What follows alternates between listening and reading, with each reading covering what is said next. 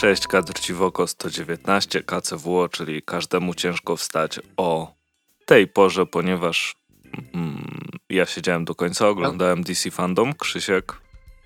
No ja nie do końca, ja, ja wytrwałem do pierwszej w nocy. Ale też spanko powinno być bardziej uskutecznione zdecydowanie.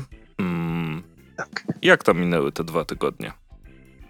No, powiem ci, że ciepło się zrobiło, a ja nie lubię jak jest ciepło. Aha.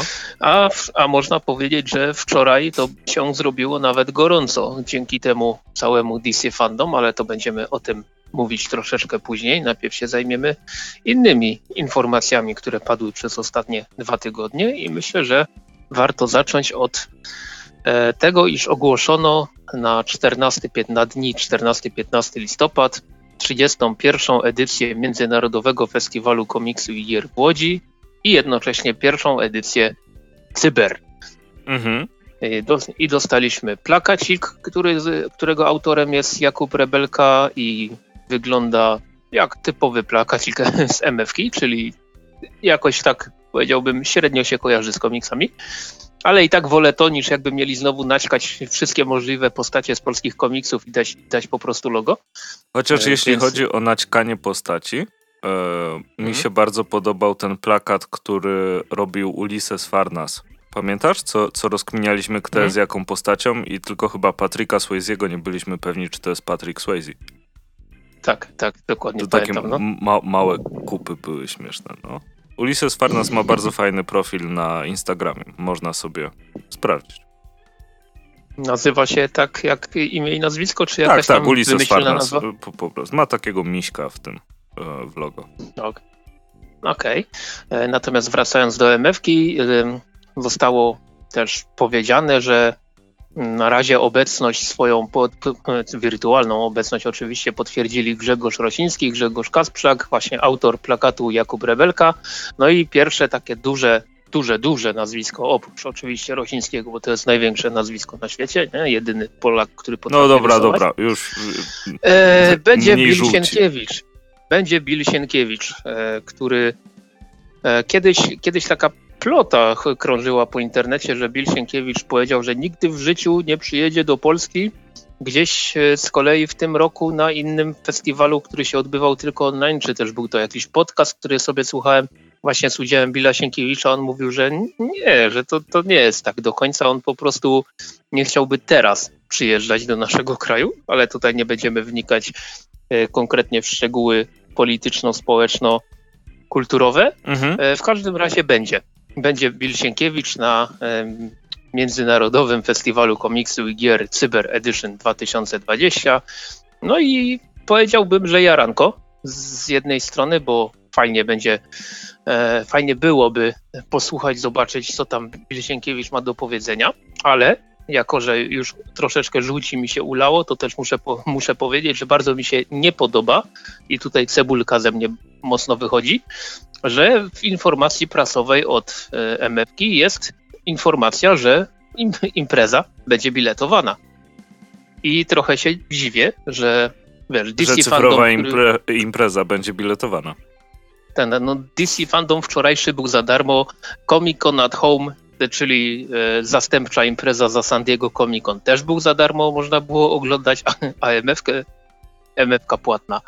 No i znaczy już w chwili obecnej mi się to nie za bardzo podoba, ale i tak poczekam, zobaczymy jakie, jakie tam kwoty wystawią mhm. E, tych biletów, bo jak to będzie, nie wiem, tam złotówka czy dwie, czy coś w ten deseń za, za dostęp do panelu e, konkretnego, no to, to się pewnie skuszę, ale ja jak nie wiem, przykładowo ile w zeszłym roku kosztowało, e, kosztował bilet, kojarzysz? Nie, nie pamiętam. Pamiętasz? Nie. Pamiętasz? No ale dobra, powiedzmy, że nie wiem, jak za dostęp do wszystkiego przez dwa dni sobie na przykład zażyczą 100 zł, to ja sobie podziękuję w tym momencie. Nie no, ale co ty, bilet tam kosztował chyba trzy dychy, czy coś takiego? za, za dwa... Kurczę, nie pamiętam naprawdę. No, no możecie właśnie. nam dać znać w komentarzach, ile kosztował bilet na MFK. Znaczy, pewnie moglibyśmy to też sprawdzić. A, natomiast fakt faktem, wiesz, płacenie za cyfrową znaczy, imprezę ja, ja jest... Ja mogę powiedzieć, że na, obecnie na stronie festiwalu, na tej oficjalnej stronie comicsfestival.com w, w zakładce dla uczestnika masz tylko piękny napis strona w budowie, więc nie ma informacji ani zeszłorocznych, ani tegorocznych. Mhm. Dlatego te, też nie umiałem sobie uświadomić, ile te bilety kosztowały. Znaczy to akurat roku. też dobre posunięcie, bo wiesz, jakby festiwal się odbywał normalnie, to ludzie by brali za gwarant to, co z zeszłego roku e, i tak dalej, i tak dalej. No dobra, no ale tak czy siak zobaczymy, jak się to rozwinie. Bill Sienkiewicz na pewno bardzo duże nazwisko. E, fajnie będzie posłuchać. Myślę, że w wersji cyfrowej masz szansę, że, że szlak nie trafi mikrofonu i będziesz w ogóle cokolwiek słyszał.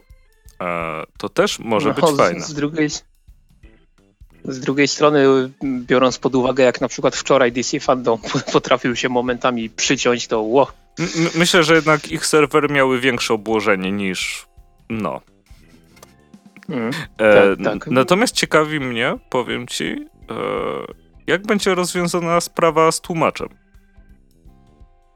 O, to też jest no, ciekawe. I czy to na przykład ja, będzie. Tak, tak się no? tak, tak, tak się, tak się wetnę, w 2018 roku e, bilet trzydniowy na MF kosztował 38 zł. Ale to 2018. W 2019 jeszcze nie znalazłem, ale szukam. No ale to pewnie nie, niewielka różnica by była. No pe pewnie nie. No, ciekawe, czy to będzie na żywo, czy po prostu to będzie nagrany wcześniej film, żeby móc dołożyć na przykład napisy. Chyba, że ktoś będzie no, dubbingował Sienkiewicza. E, tak jak w tym. O, tutaj um, na imprezie po Oscarach. Tak, tak, gdzieś się tak zdarzyło, ale może nie wnikajmy szczeg e, szczególnie mocno. Nie, nie będziemy, bo, e, bo to rak. No dalej. Tak, no, no generalnie, dalej, czy... Znaczy generalnie jeszcze tylko tak podsumowując, że mhm. w chwili obecnej na stronie festiwalu na stronie festiwalu jest napisane, iż E, więcej informacji wkrótce. W październiku powinna ruszyć sprzedaż tychże biletów, o których wspomniałem przed chwilą. E, no i e, z tych takich zapowiedzi, które już się pojawiły, a nie wspomnieliśmy jak dotąd, tutaj przeczytam sobie. Będzie niesamowita gratka dla oczekujących na Cyberpunk 2077. Twórcy gry ze studia CD Projekt Red uchylą kulisy produkcji w przededniu jej premiery, którą pewnie jeszcze trzy razy przełożą po drodze, ale okej, okay, też coś, coś dla fanów gier będzie. No, i, no, Międzynarodowy Festiwal Komiksów i Gier i na pewno mm, Cyberpunk ściąga dużo osób. No to, to oczywiście z, zawsze fajnie, jak ktoś może się cieszyć z czegoś, nie? Mhm. No, ale komiksy komiksy. No to skoro o komiksikach już mowa, no to przejdźmy do zapowiedzi. Na, na, na początek takie dwie szybkie zapowiedzi od wydawnictwa Mucha Comics na lada moment, bo na 28 sierpień będzie to Jeff Lemire i Jeff Lemire, ponieważ wydawnictwo zapowiedziało szósty i ostatni tom Descendera. Bardzo mi się podoba to, że zapowiedź tegoż komiksu tak dość delikatnie sugeruje, że Ascendera też wydadzą. Natomiast drugi komiks zapowiedziany przez Muchę to jest Berserker Uwolniony. Scenariusz Jeff Lemire, rysunki Mike Diodato Jr., e, wydawcą oryginału był Dark Horse i to jest komiks, który wygląda jak taki trochę Conan, ale Conanem nie jest, bo Dark Horse już nie może Conanować i no, Jeff Lemire sprawia sam w sobie, że jestem zainteresowany, ciekawe, ciekawe co tam mhm. w tym tytule wymyślą. Już też Aczkolwiek... sama okładka jest bardzo ciekawa. Mhm. Aczkolwiek y, tutaj muszę dorzucić, że e, z tego, co wyczytałem tak w internecie, mniej, mniej więcej opinie są umiarkowane. Że może czarnego młota w wersji 2.0 się raczej nie spodziewać. No, chyba też ciężko jest pisać cały czas, aż na tak wysokim poziomie, nie? Ważne, żeby nie mhm. pisać krapów. No, to, to, jest, to jest fakt. I jeszcze tylko tak dopowiem, Descender 65 zł cena okładkowa, e, Berserker trochę mniejsza objętość, więc i niższa cena, 59 zł cena okładkowa. Jak zwykle zachęcamy do kupowania bezpośrednio od wydawcy. Mhm. A jeśli mówimy Natomiast... o wydawcy, to jeszcze drugi wydawca, o którym powiemy, to? Wydawnictwo Kboom, które... które trzy komiksy. Tak, zapowiedziało trzy komiksy i z jednej strony radocha, ale zaraz do tego przejdziemy, a z drugiej strony, kurczę, spodziewałem się, że e, na, na tą końcówkę roku, na te ostatnie cztery miesiące jednak się coś jeszcze pojawi. Zaraz też do tego wrócę, ale co my tutaj mamy? Więc pierwsza zapowiedź, ta, która mnie zdecydowanie najbardziej podjarała, to jest House of Penance. E, I tutaj jest to komiks, który napisał Peter Tomasi, czyli ten pan, który umie pisać Batmana jako jedyny, chyba w ostatnich latach. E, natomiast za rysunki odpowiada Ian Bertram, e, czyli facet, który zilustrował ostatnio między innymi też Little Bird z Image, które zebrało Eisnera. Mhm. I no, jak, jeśli sprawdzicie sobie strony przykładowe, które można znaleźć w internecie, polskich jeszcze nie ma, ale, ale e, strony przykładowe tam na amerykańskich stronach można bez problemu znaleźć, no to wygląda to, wygląda to kozacko i mogę powiedzieć, że e, jakby, jakby to ująć, żeby to miało ręce i nogi, to będzie chyba pierwszy architektoniczny horror, jaki, jaki naprawdę z, przy, z przyjemnością będzie się czytało, ponieważ ta architektura w tym komiksie od, będzie odgrywała niesamowicie ważną rolę. Mhm. No i, i, i, oczywiście, skoro horror, no to, tra, no to komiks będzie wydany pod szyldem Kboom Horror. Mm, I, I bardzo się z tego z tego tytułu, z tego komiksu cieszę. I tytuł e, jest jeszcze do przetłumaczenia, prawda? Tak, Zobaczymy, jest, co zostanie jest, wymyślone. Tytuł w trakcie przygotowania, okładka również w trakcie przygotowania, polska okładka. E, będzie także druga rzecz, która trafiła do Kboom Horror, czyli e, The Monstrous Collection. I tutaj mamy scenariusz Steve'a Nilesa, ale kogo to interesuje, tutaj rysunkowo będzie po prostu kozak, ponieważ ry, za rysunki odpowiedzialny jest Bernie Wrightstone. Mi, mi, jest bardzo szkoda Steve'a Nilesa, bo, bo jakby wiesz, w zestawieniu z Bernie Wrightsonem to zawsze będziesz na drugim planie, nie? Tak, tak, zdecydowanie. Na, nawet jakby no... to któryś z ewangelistów pisał, to byłoby uuu, rysunki Berniego Wrightsona, nie? Ale i będzie większy od Frankensteina, czyli będzie naprawdę gigantycznym komiksem, jeśli chodzi o rozmiar. Tak, właśnie tutaj chciałem powiedzieć, że w, w komentarzach na Facebooku wydawnictwo Kabum właśnie zdradziło to, co, to, co powiedziałeś, e, ale jest także jeszcze trzecia e, zapowiedź. Tutaj z mojej strony najmniejsze jaranko, ale wiem, że ty się powinieneś cieszyć. E, I to jest e, XO Manowar, Manowar tom czwarty pod tytuł Wizygot. Mm, I to też jest właśnie zapowiedź na, na końcówkę tego roku. Okładka jest w trakcie przygotowania, ale tutaj po prostu będą musieli trzy literki zmienić, bo i tak pół okładki to, to logo. I tutaj w tym poście też bardzo mi się podoba taka luźna zapowiedź na, na rok przyszły, mhm. ponieważ z, z Valianta coś ma się pojawić i to w wielkim formacie. Więc Ciekawe. może. Może, może to, co kiedyś tam w wywiadzie e, Kuba powiedział, że. Śmiem wątpić. A, byłoby fajnie. Że, że szykują coś z tego starego Valianta też, znaczy my, myślą nad tym, więc myślę, wydaje mi się, że to może być coś z tego. O, kto wie, I kto też, wie. I, I, też w komentarzach na przykład y, też jest informacja o tym, że wydawnictwo Kboom pracuje nad Bloodshot USA. No tak ale samo nie jak było w zeszyciku powiedziane, że, znaczy ale w ostatnim jest, tomie. Tak, ale nie jest w stanie zagwarantować premiery w tym roku, więc jeśli chodzi o premiery tegoroczne od Kboom, to na pewno trzy komiksiki, o których przed chwilą po powiedzieliśmy. Być może coś jeszcze. Mm, smuteczek, że nie ma nic z Kabum Kids, bo symboliczyłem, że coś, coś może jeszcze właśnie z tej linii dla młodszego odbiorcy się pojawi. Aha. E, no ale, ale e, House of Penance jaranko straszliwe. I no tu i jeszcze za, za tłumaczenie odpowiada Marceli Szpak, więc jest już w ogóle. E, I w przypadku, w przypadku pozostałych dwóch komiksów mamy na za tłumaczenie odpowiedzialny będzie Marek Starosta. Mhm. No i co, i z, z, takich zapowiedzi komiksowych z ostatnich dwu, dwóch tygodni myślę, że to tyle. Tam pewnie w komentarzach znowu się coś pojawi, że coś pominęliśmy, ale, ale no cóż, da, damy to, radę. Czytajcie na, nasze komentarze jako uzupełnienie. Tak, da, damy radę ogarnąć następnym razem, albo i nie. I co, i myślę, że można przejść do komiksików, bo tak, wspaniale. Mamy, mamy kilka komiksików na dzisiaj przygotowane. Ja w ogóle nie wiem, co ty, co ty tam sobie przygotowałeś, więc oddaję ci głos. E, zaczniemy od jejku. E, Odyseja Hakima, tom drugi z Turcji do Grecji, um, wydane przez Nonstop Comics. Podtytuł zdradza, gdzie będzie się działa akcja. Znaczy, z tyłu dalej jest mapa, e, więc wspaniale, że jest mapa. E. Więc to, to już i tak jest, je, jest wiadome. E, jeśli pamiętacie, pierwszy tom e, wydawał mi się bardzo ciekawy. Mm, złączył się, znaczy on był też w takim odpowiednim momencie, że czytałem go jakiś czas po Arabie przyszłości. E, te komiksy się pomimo teoretycznie zbliżonej tematyki różnią się bardzo.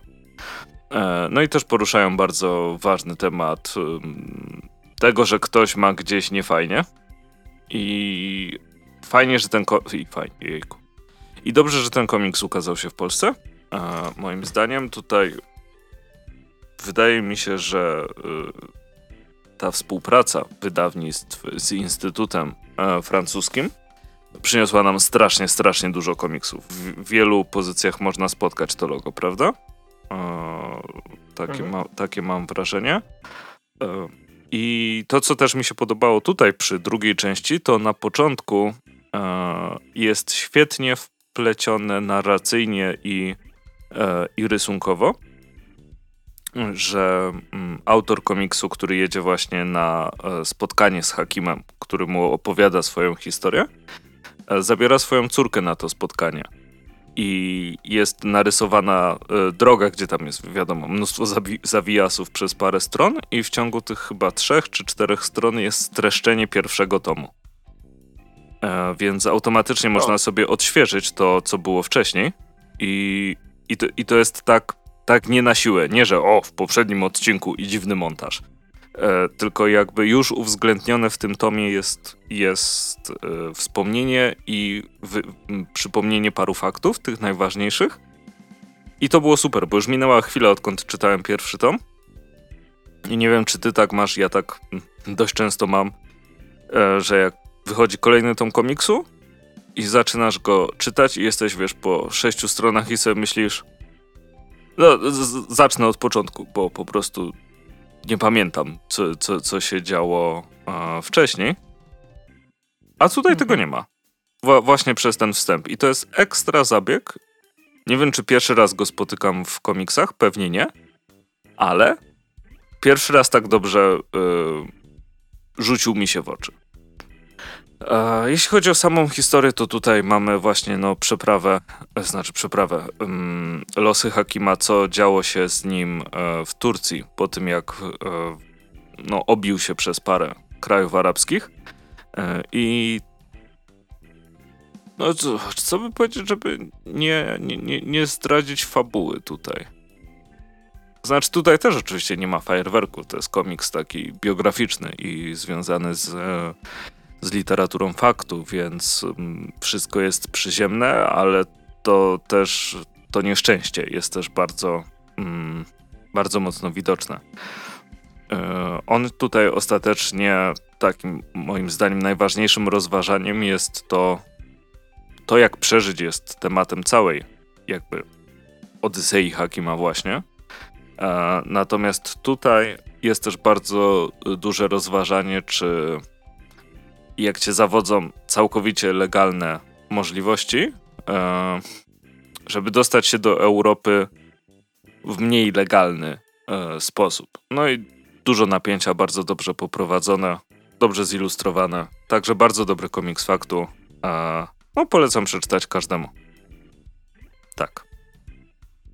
Okej. Okay. Natomiast ja, ja tak się teraz wsłuchałem w to, co mówisz, że sobie guild nie otworzyłem, ale e, dalej trwa promocja na komiksy Stop Comics w sklepie Non-Stop Comics, więc tutaj jakbyś mi przytoczył, jaka jest cena okładkowa. Dyszek 6, bez grosza. Dyszek 6. Dyszek 6 bez grosza, więc wszystko wskazuje na to, że na sklepie Non-Stop Comics będzie można go kupić za dyszek 30 parę. E, I tutaj e, jeśli chodzi o moje wrażenia z, te, z, z obcowania z tym komiksem, tylko że ja na razie przeczytałem tylko tom pierwszy, no to mogę powiedzieć, że jednak ten Arab w przyszłości tam pięterko wyżej stawiam, ale tutaj też jest, też jest bardzo, bardzo fajnie i, i jestem ciekaw, co, ta, co tam e, się w kolejnych tomach pojawia. Wydaje mi no, się, no, że Arab w przyszłości, e, którego m, mm, też bym jakby w tej tematyce postawił wyżej, um, hmm? ale wydaje mi się, że jest, trudniej, że, że jest trudniejszym komiksem też. Mhm. E, że to jest to bardziej jest trochę pamiętnikowe e, i bardziej bezpośrednie, więc u, moim zdaniem łatwiej jest zacząć czasem, e, jak ktoś nie jest gotowy po prostu na takie rzeczy albo nigdy nie czytał e, tego typu rzeczy, to to jest taki dobry pośrednik. Mm, wydaje mi się, że Nonstop Comics dużo komiksów w swojej ofercie ma właśnie takich um, kurczę, jakby to powiedzieć, coś pomiędzy tym mainstreamem, a tą taką zaawansowaną sztuką. W, wiesz o co chodzi? E, bo mhm, tak jak tak. na przykład bośniacki płaski pies, to jak e, wpadniesz na pomysł, o chciałbym zobaczyć na czym polegają komiksy i zaczniesz od tamtego, jest szansa, że, no, że się odbijesz w jakiś sposób, nie? Oj, to jest bardzo duża szansa nawet. A, a, a Hakim jest tak jakbyś...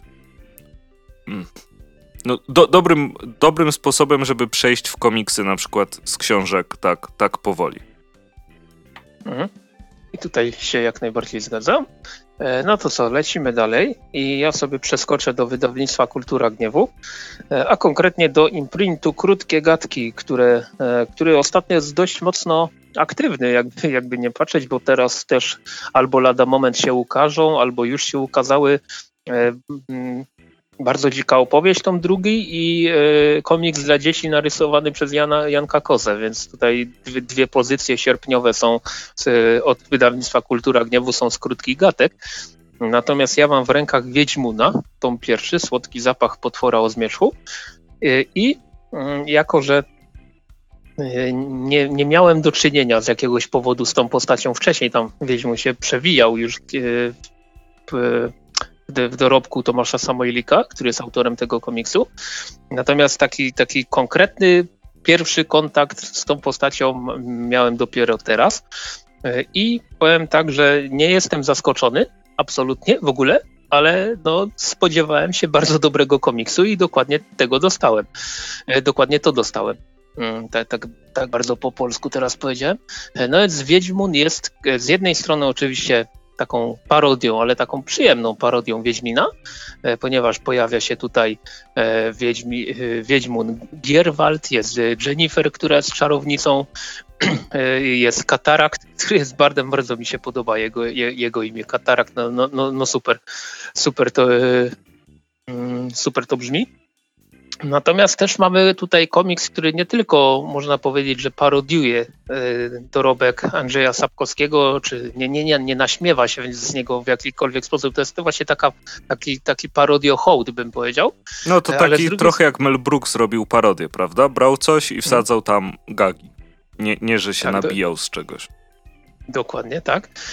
Natomiast też jest to komiks, który gdybym Gdyby narysował go ktoś inny, to po scenariuszu i tak bym się połapał, że prawdopodobnie Tomasz Samoilik go napisał, ponieważ mamy oczywiście e, odniesienia do ekologii, które są bardzo fajne. Cały komiks zaczyna się dość niespodziewanie, ponieważ e, przenosimy się do świata, który jest w takiej nieodległej przyszłości. Tutaj e, no, zanieczyszczenia, katastrofy ekologiczne są, są codziennością. No i dopiero później odrobinkę później akcja przenosi się do tego magicznego świata Gierwalda, Jennifer czy Katarakta e, i komiks, chociaż ma tylko 64 strony, czyli, czyli czyta się go naprawdę błyskawicznie, to jednak potrafi, potrafił mi, jako dorosłemu chłopowi, e, dać naprawdę masę, masę dobrej zabawy. Podobały mi się sceny, w których, jak to się pięknie mówi, cameo, tak? E, zaliczyły też postacie z innych komiksów e, Tomasza Samoilika e, i, i jestem absolutnie przekonany, że mm, dla dzieci ta, ta pozycja będzie no, naprawdę bardzo, bardzo wartościowa. Oczywiście, o ile, o ile też mniej więcej łapią się w tym, e, no, w, w tym co to, tutaj Tomasz Samoilik parodiuje. Aczkolwiek bardzo mi się też podoba w komiksie ta, jak się nazywa to, co jest między okładką a stroną tytułową? Wyklejka? Wyklejka, tak. No, na wyklejce mamy, mamy bestiariusz. I, I ten bestiariusz jest jedną z, naj, z najcudowniejszych, najsłodszych rzeczy, jakie ostatnio widziałem. Bardzo mi się podobają e, jejku, te nazwy. E, ćmównik, tuśmiwis, mućkowół i, i po prostu no, no to jest cudowne. Ta, ta, ta wyklejka jest, jest super. Mm. No a sam komiks, e, jeśli chodzi o warstwę rysunkową, no to tutaj raczej myślę, że nikt nie, nikt nie poczuje się zaskoczony. E, I podobnie jest w kwestiach scenariuszowych, ale to, że Tomasz Samojlik tutaj może nie zaskoczył jakoś szczególnie mocno, nie oznacza, że ten komiks nie jest dobry, bo jest bardzo dobry e, i no, no jest dokładnie na takim poziomie, jaki Tomasz Samoilik sobie już jakiś czas temu wyznaczył. Konsekwentnie realizuje bardzo fajne, bardzo dobre komiksy. Myślę, że Wiedźmuna spokojnie można postawić na półce obok ry, ryjówki, obok żubra Pompika, obok bardzo dzikiej opowieści, którą rysuje Marcin Podoles, e, czy Mhm. Ojku, teraz ostatni żubr te, też, no, no to jest wszystko, te, to są wszystko komiksy Tomasza Samoilika, które, które mm, razem z Wiedźmunem mogą tworzyć bardzo fajną kolekcję komiksów dla młodszych czytelników, które bez problemu mogą też czytać starsi czytelnicy i e, wynieść, zarówno ci młodsi, jak i starsi, wynieść coś, wynieść coś fajnego, dowiedzieć się czegoś fajnego i po prostu dobrze się bawić, więc czego chcieć więcej. E, mogę ci powiedzieć, czego chcieć więcej. Można Dawaj. chcieć komiksu od Tomasza Samojlika poświęconego koszykówce.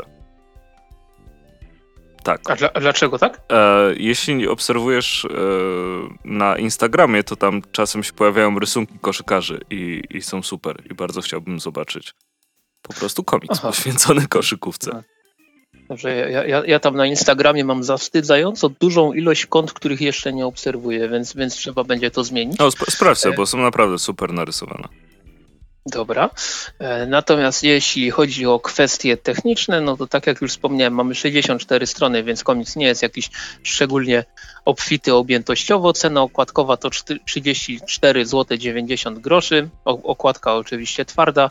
Formacik taki troszkę mniejszy od standardowego komiksu amerykańskiego. Na Gildii można złapać za 24 zł 40 groszy. Ja ze swojej strony totalnie polecam z Wiedźmunem się z, e, zapoznać. I pozdrawiam pana RG, który napisał najbardziej idiotyczny komentarz na Gildii, jaki w ostatnim czasie czytałem. A to, to nie, aż nie sobie będę musiał sprawdzić. E, nie ale będę cytował. Jeśli chodzi też o Tomasza Samejlika, to mm, jakiś czas temu, jak już mówimy o jego Instagramie, bo sobie akurat wszedłem zobaczyć, 27 e, czerwca pojawiła się mm, zapowiedź e, mhm. z Echo 1, gdzie treść posta brzmiała: No dobrze, drodzy czytelnicy, mam do Was ważne pytanie. Czy wolicie najpierw dostać drugi tom Wiedźmuna, czy może pierwszy tom dawno zapowiedzianej serii superbohaterskiej o nietoperzach? No i Echo 1. Tak, wydaje się. Nietoperze ogólnie są fascynujące, e, ale mhm. tak czy siak wszystko od Tomka Samojlika zawsze w ciemno, tak naprawdę.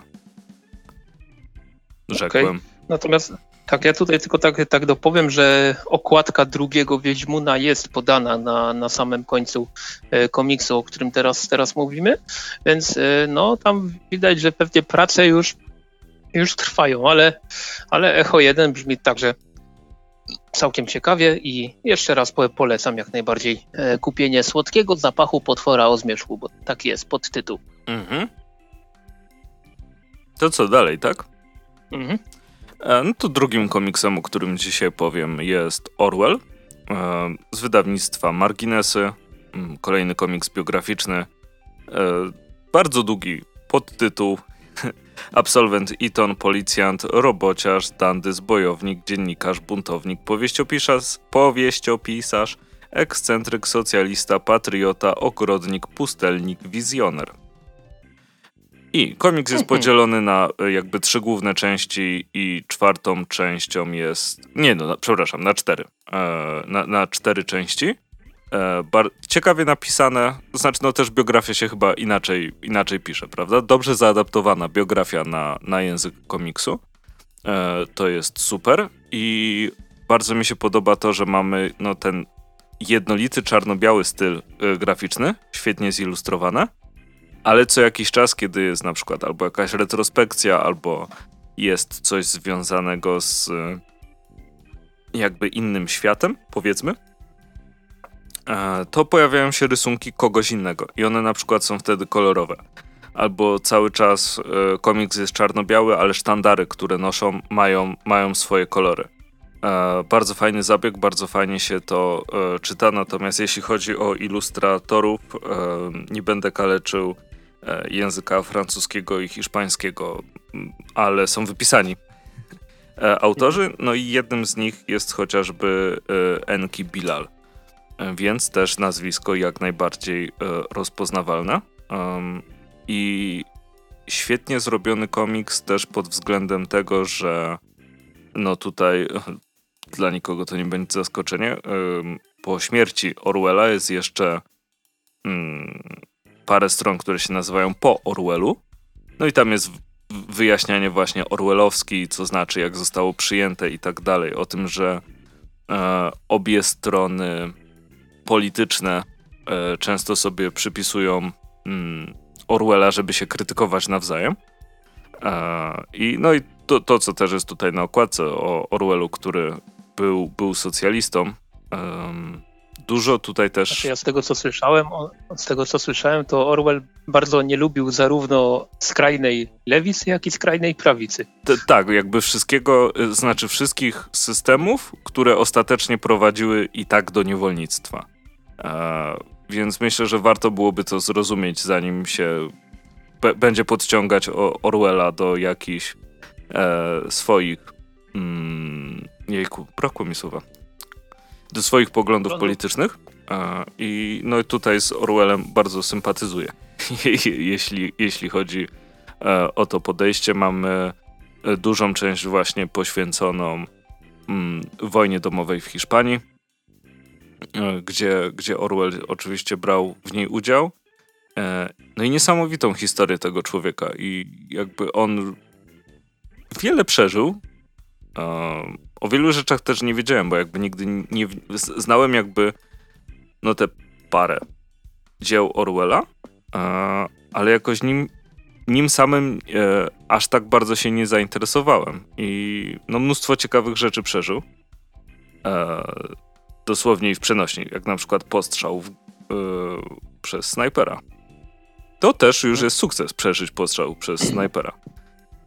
Tak, ja, ja, pamiętam, bo ja, ja straszną, można powiedzieć, fascynację Orwellem miałem w okolicach wczesnego, wczesnego liceum, bo przeczytałem i rok 1984 i Folwark Zwierzęcy, wiadomo, te dwie największe, mhm. najbardziej rozpoznawalne e, dzieła Orwella i też sobie właśnie tak sprawdzałem po, po internecie, tam w różnych źródłach, e, no właśnie więcej informacji na jego temat, czyli to, co jak rozumiem komiks teraz bardzo ładnie dostarczył mhm. i też właśnie pamiętam, że, że, czytałem, że on y, chyba nawet w Londynie bezdomnym był przez jakiś czas, żeby, żeby poznać lepiej, jak to wygląda i, i tak, móc w, później to, to W Paryżu y, jakby podział y, społeczny na zasadzie hotelu.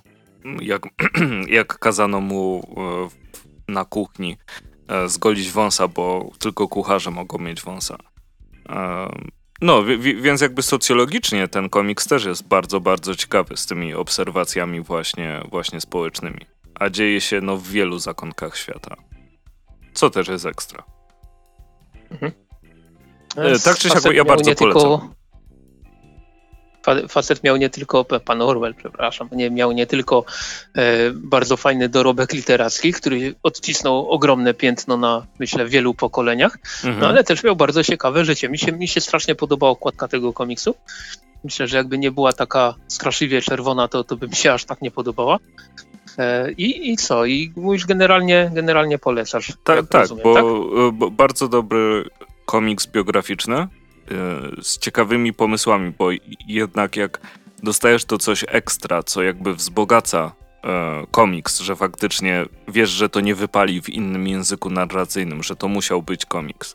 tu właśnie te wplecione kolory gdzie indziej, to, że nagle jest ilustracja zrobiona przez kogoś innego, albo że nagle w połowie jest zdjęcie Orwella.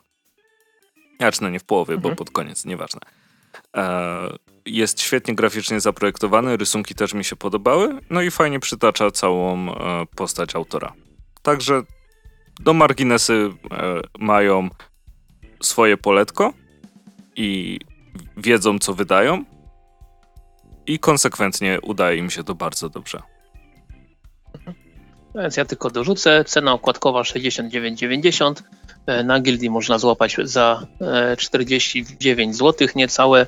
I jeszcze tak dorzucę, tam chyba w, nie wiem, dwa, trzy odcinki temu w podcaście mówiłem o folwarku zwierzęcym komiksowym od mhm. wydawnictwa Jaguar, więc można powiedzieć e, syty rok dla fanów Orwella, bo nie dość, że mamy komiksową biografię tego twórcy, to też mamy komiksową adaptację jednego z jego najsłynniejszych dzieł. Mm, I co? I myślę, że przejdziemy dalej. E, czyli już zaczynamy troszeczkę o superbohaterach. Jeszcze, do DC Fandom troszeczkę czasu nam zostało, a ja chciałbym powiedzieć parę rzeczy o wspomnianym wcześniej komiksie Czarny Młot. A konkretnie Czarny Młot, Era Zagłady, część druga. E, mylące jest troszkę to, że mamy Czarny Młot, tom czwarty, Era Zagłady, tom drugi. E, tak, tak, tak można, tak, no, tak, tak, trzeba powiedzieć konkretnie. E, I powiem tak, że mm, jestem zaskoczony tym, jak ten komiks się kończy.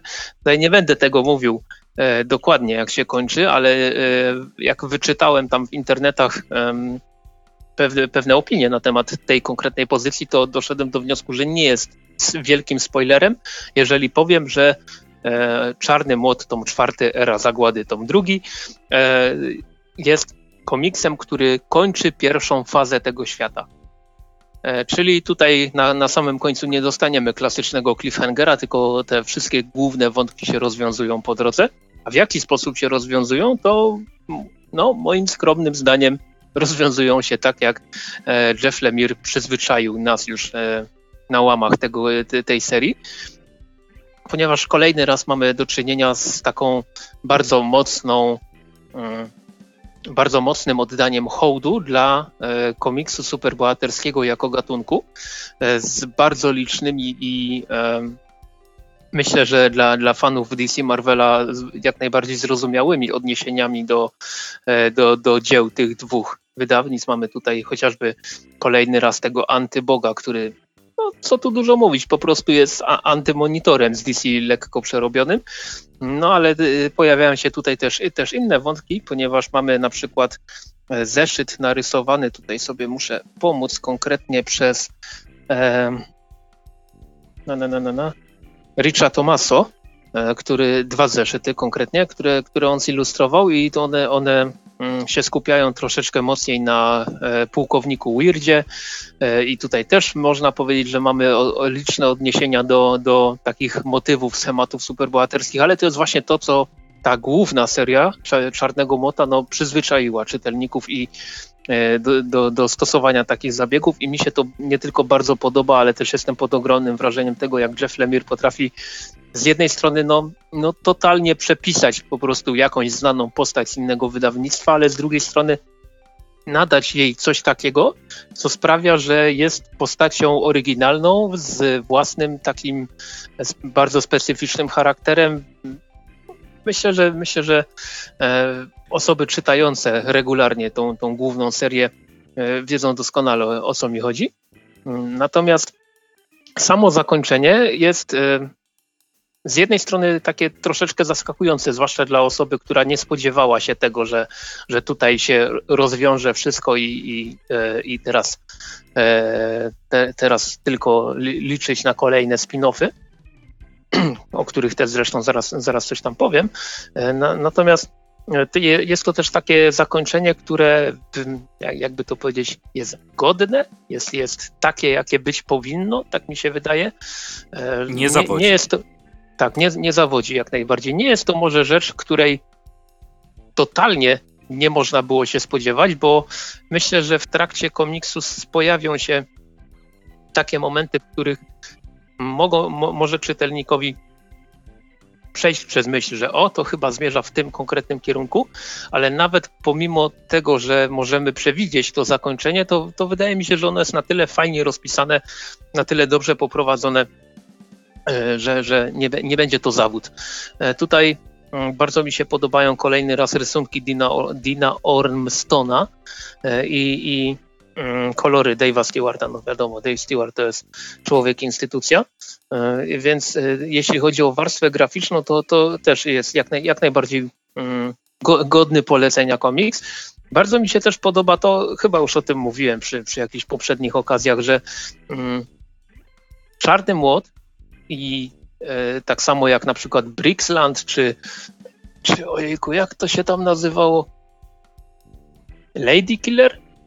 Umbrella Academy czy Giants od, od innych wydawni, wydawnictw jest komiksem w miękkiej oprawie, czyli takim standardowym softciakiem, ale z drugiej strony jak postawicie Czarnego Młota obok dowolnego komiksu z Marvel Now 2.0, czy z DC Odrodzenia, czy z DC Uniwersum DC, czy jak się ta linia nazywa, to jednak widać gołym okiem, że ta nieco wyższa cena okładkowa, bo, bo rzeczy z Dark Horse'a kosztują od Egmontu 49,99, a nie 39,99 jak te standardowe, e, standardowe softciaki z Marvela czy DC. Ale od razu widać tą różnicę, skąd ona się wzięła. I bardzo mi się, bardzo bym chciał, żeby jak najwięcej osób, e, jak najwięcej wydawnictw publikowało te komiksy właśnie tak, jak, jak robi się to w przypadku e, rzeczy od Dark Horse'a. Ja jestem ciekaw, czy to wynika z jakichś ustaleń licencyjnych, czy, czy jak, bo, mhm. e, bo tak jak mówię, i Umbrella Academy od Kaboom, i Lady Killer od wydawnictwa Scream, e, i, i te Brixland też z Egmontu, no to właśnie to jest identycznie są, prakty, praktycznie identycznie, haha, są wydane e, tak jak Czarny Mod, tylko te tylko Giants od, e, od e, Non-Stop Comics mają tą cholerną folię, którą tak lubimy. No, no ale, ale, ale, no ale generalnie jeśli chodzi o jakość wydania softcoverów, czyli komiksów amerykańskich w miękkiej oprawie, to ja bym naprawdę chciał, żeby większość się ukazywała w takiej formie jak Czarny Mod, niż w takiej formie jak tu wstaw dowolny tytuł z Marvela czy DC. I ja jestem jak najbardziej w stanie płacić tą dyszkę więcej, żeby tylko mieć pewność, że komiks mi się nie rozleci w rękach. Bo przy, przy tych Marvelach i DC to nieraz, nieraz, jest, nieraz jest strach mocniej ten komiks otworzyć. Natomiast jeszcze wracając do e, samego Czarnego Mota, tak jak wspomniałem tutaj, główny wątek się kończy. Mamy, te, mamy zakończenie tej pierwszej fazy, ale Jeff Lemire już zapowiedział, że będzie faza kolejna. Aha. No i, no i jakby nie patrzeć, mamy jeszcze cztery komiksy, znaczy E, jeden komiks już się ukazał, ale trzy kolejne lada moment e, do, doczekają się swoich premier albo wydań zbiorczych w USA, więc e, jeszcze cztery spin-offy są w drodze. No lada moment się ukaże Czarny Młot, Liga Sprawiedliwości. Natomiast w Stanach już ukazuje się Skull Digger and Skeleton Boy, a w zapowiedziach jest, są także miniserie o Barbalienie i właśnie pułkowniku Weirdzie, więc jeśli chodzi o E, rzeczy z Czarnego Młota, to wydaje się, że w kolejnych miesiącach, e, no zapewne w przyszłym roku e, jeszcze sporo rzeczy od, Egmontu się pokaże. No a znając Jeffa Lemira, on tutaj pociśnie jeszcze zdrow, zdrową ilość komiksów z tego świata i tylko trzymać kciuki za to, żeby one trzymały, trzymały poziom, bo co prawda nie wszystkie spin-offy mi się podobały, na przykład ten Czarny Młot, ten wojenny, tam on się nazywał 45 zdaje się, mhm. no to on, on, był taki eh.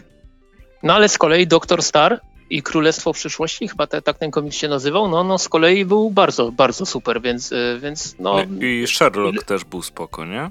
Tak, Sherlock też był fajny i to był chyba ten, ten jeden, jedyny spin-off. Czy nie pierwszy? Hmm? Nie, nie wiem, czy on był pierwszy, czy nie pierwszy. Tak, tak, to był pierwszy spin-off e, wydany mhm. z tego świata. No i też Sherlock Frankenstein, jakby nie patrzeć, był, jest tym spin-offem, który naprawdę, e, od, gdzie główna postać naprawdę odgrywa znaczącą rolę potem w kolejnych tomach Czarnego Mota. E, I no, co, co, ja mogę powiedzieć? Jeśli chodzi o takie uniwersa superbohaterskie z XXI wieku, to miałem swego czasu fazę na Valianta, która mi też niestety dość mocno przeszła w chwili obecnej. To te, tak jak wtedy miałem fazę na, na Valianta, tam 2014, jakoś, jakoś w tych okolicach, tak teraz jak widzę tylko zapowiedzi czegokolwiek z Czarnego Mota, to już się jaram i, i chciałbym tego możliwie jak najwięcej i trzymam kciuki za Jeffa Lemira, żeby mu, nie wiem, nadgarstki nie, się nie połamały ani nic z tych rzeczy, bo mnie, niech facet naprawdę robi tych komiksów możliwie jak najwięcej i możliwie jak najdalej od DC i Marvela, bo tamto, no chyba, że po prostu, żeby tam zapłacić, zapłacić za rachunki, bo te jego bardziej autorskie dzieła, myślę, że w przypadku Czarnego Mota można spokojnie powiedzieć o autorskim dziele, mhm. Mm, no, no są po prostu albo dobre, albo, albo jeszcze lepiej, więc, więc przy Czarnym Młocie bawiłem się, bawiłem się bardzo dobrze. E, bawiłem się bardzo dobrze i tak jak wspomniałem, chciałbym, te, chciałbym komiksów z tego świata możliwie jak najwięcej i jak najczęściej. Ale to też y, widać po Jeffie Lemirze, y, jak on tworzy coś, co chce stworzyć. Bo jak zaczynał, jak miał być zresztą w Polsce, pamiętasz, przygotowywaliśmy się do, do wywiadu i on w którymś Ach, wywiadzie udzielił in, tak, on w którymś e, wydziale, e, wydziale jejku, wywiadzie udzielił informacji, że jest mm, wielkim, wielkim fanem Srebrnej Ery i takich no, klasycznych superbohaterów i bardzo chciałby kiedyś zrobić coś z Phantom Strangerem. I wydaje mi się, że Czarny Młot jest też trochę mm, tym, że to narastało w nim przez lata po prostu i wyszło, wyszło super. Czasem faktycznie zdarzało się słabiej, jak Plutona. E, I to nie był DC i Marvel, prawda? Plutona miała tylko beznadziejną końcówkę, tak bym powiedział. No tak, no ale co, coś. Co... Cztery, cztery z pięciu zeszytów były dobre. Tak, no ale ogólnie Jeff Lemire, jak, jak e, mo, może robić co chce, to jest najlepszym Jeffem Lemirem. Zdecydowanie. Mhm. X-Meni byli do dupy. X-Meni czy Avengersi? Oj, E, no, on chyba Extraordinary X-Men pisał czy coś takiego. Coś zrobiłeś z mikrofonem, bo cię słychać jakbyś z dubska mówił. E, a teraz? A teraz, wspaniale. Okej, okay, to, to nie wiem, co się stało. Nic, nic, nic kompletnie nie zrobiłem, ale okej. Okay. Więc ten, więc no Jeff Lemire, tak, tak, jak, tak jak wspomnieliśmy, no jak przychodzi mu pisać dla Marvela czy DC, wyjątek e, Łasuch, czyli Sweetów, który notabene niedługo powróci w takiej sześcio, sześciozeszytowej miniserii, mhm. no to jak, jak, jak Jeff Lemire przychodzi ten moment, w którym on stwierdza, kurczę, muszę zarobić jakoś na szybko, żeby wydać te swoje autorskie rzeczy i leci do Marvela i DC, to po prostu robi na takie półgwistka, ale czasami nawet na te półgwiska ale... i tak wychodzi mu naprawdę fajny komiks. Stary, ale wiesz, też wydaje mi się, że zależy jak bardzo postać siądzie oczywiście, nie? No, pisząc tyle co ono, to wydaje mi się, że nie, nie da się uniknąć średniaków czy słabiaków czasem. E, ale na przykład Green Arrow Lemira był kozak. No, Moon Knight Lemira też niedawno wydany, też był kozak. E, no i Hawkman. E, co ja mówię? Hawkeye. nie, nie, nie ten jaszcząb. E, też był hmm. bardzo fajny. No ale tak czy siak, e, wszyscy wiedzą, co sądzimy o, o panu Lemirze, a my sobie przejdziemy dalej do komiksów i tym razem do Europy. Tak jest. Ponieważ w ostatnim, y, w ostatnim czasie, to był chyba jeszcze lipiec, y, ukazały się kolejne dwa tomy Lucky Luka. E, Prorok oraz W cieniu wież wiertniczych tutaj musiałem wolniej czytać, bo znając mnie bym się zapluł, gdybym, gdybym miał to przeczytać szybciej. Mhm. No, i, no i co? I, y, przeczytaliśmy i, właśnie sobie opowiemy trochę o, o tych komiksach, ponieważ lubimy Lucky Luka jak najbardziej. Tak. A tutaj mamy do czynienia z komiksami z dwóch kompletnie innych okresów powstawania tak, e, całkowicie. tej serii. Prawda? E, w cieniu wież wiertniczych jest e, z okresu mojego ulubionego, czyli autorami jest Morris i Gosini. I mhm. to jest bardzo lubiany przeze mnie okres w Lucky Luke'u. Natomiast Prorok jest autorstwa Morisa i Patricka Nordmana. I to widać. Na to, no, to, teraz może powiem o co mi chodzi. E, tutaj też jest inne kolorowanie, zdecydowanie w proroku. To też zresztą jest napisane, że kolory studio Leonardo e, się nazywa. Historia jest fajna, natomiast e, to, co mi się rzuciło w oczy bardzo przy proroku, co mnie po prostu wybija z czytania tego komiksu, to kto robi literki w tym komiksie? E, w sensie w dymkach jest wszystko w porządku, ale używanie takiego. Mm, jakby to powiedzieć. Nie jestem też dobry w rozpoznawaniu. E, do, dobry, jestem beznadziejny w rozpoznawaniu e, fontów po prostu jak na nie patrzę. E, ale te są beznadziejne. Te, które są tutaj w opisach, to masz po prostu, tak pamiętasz, czasem w gigancie było, nie? E, mhm. Że w dymkach wszystko fajnie, a tu obok jakiś, nie wiem, Arial czy, czy coś takiego. E, I i to... Przypom przypomnijmy, że na przykład kiedyś wydawnictwo Amber publikowało komiksy, znaczy ono teraz znowu wróciło, ale jeszcze, jeszcze nie sprawdziłem, jak to tam wygląda. No to w starych komiksach z wydawnictwa Amber był w dymkach normalnie Comic Sans. I, i to bolało. No bo komiksowy, no. Mhm. e, no tak, tak, tak czy siak to, to jest coś, co moim zdaniem trochę odpycha, zwłaszcza że w innych komiksach, chociażby tym, który też trzymam w ręce, czyli w cieniu wież wiertniczych, tak nie ma. Opisy są e, ty, tym samym fontem, który jest, albo podobnym, e, który jest w dymkach. I to się zupełnie inaczej czyta. Niż te, taki mm. nagle po prostu znikąd wzięty Arial. Tak. No, no cóż, no, myślę, że to jest jakiś znak czasów w tym, w tym przypadku tych komiksów, bo ja tutaj tak dorzucę, że w cieniu wież wiertniczych to jest 18 tom Lucky Luka, natomiast prorok jest opisany jako tom 68.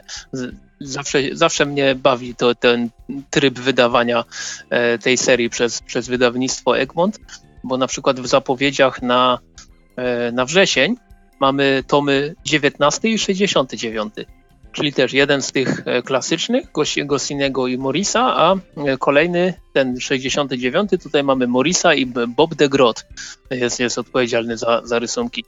Więc tutaj e, znaczy wyczuwam, że po prostu Egmont chce wydawać po dwa komiksy jednego miesiąca, sam co drugi miesiąc.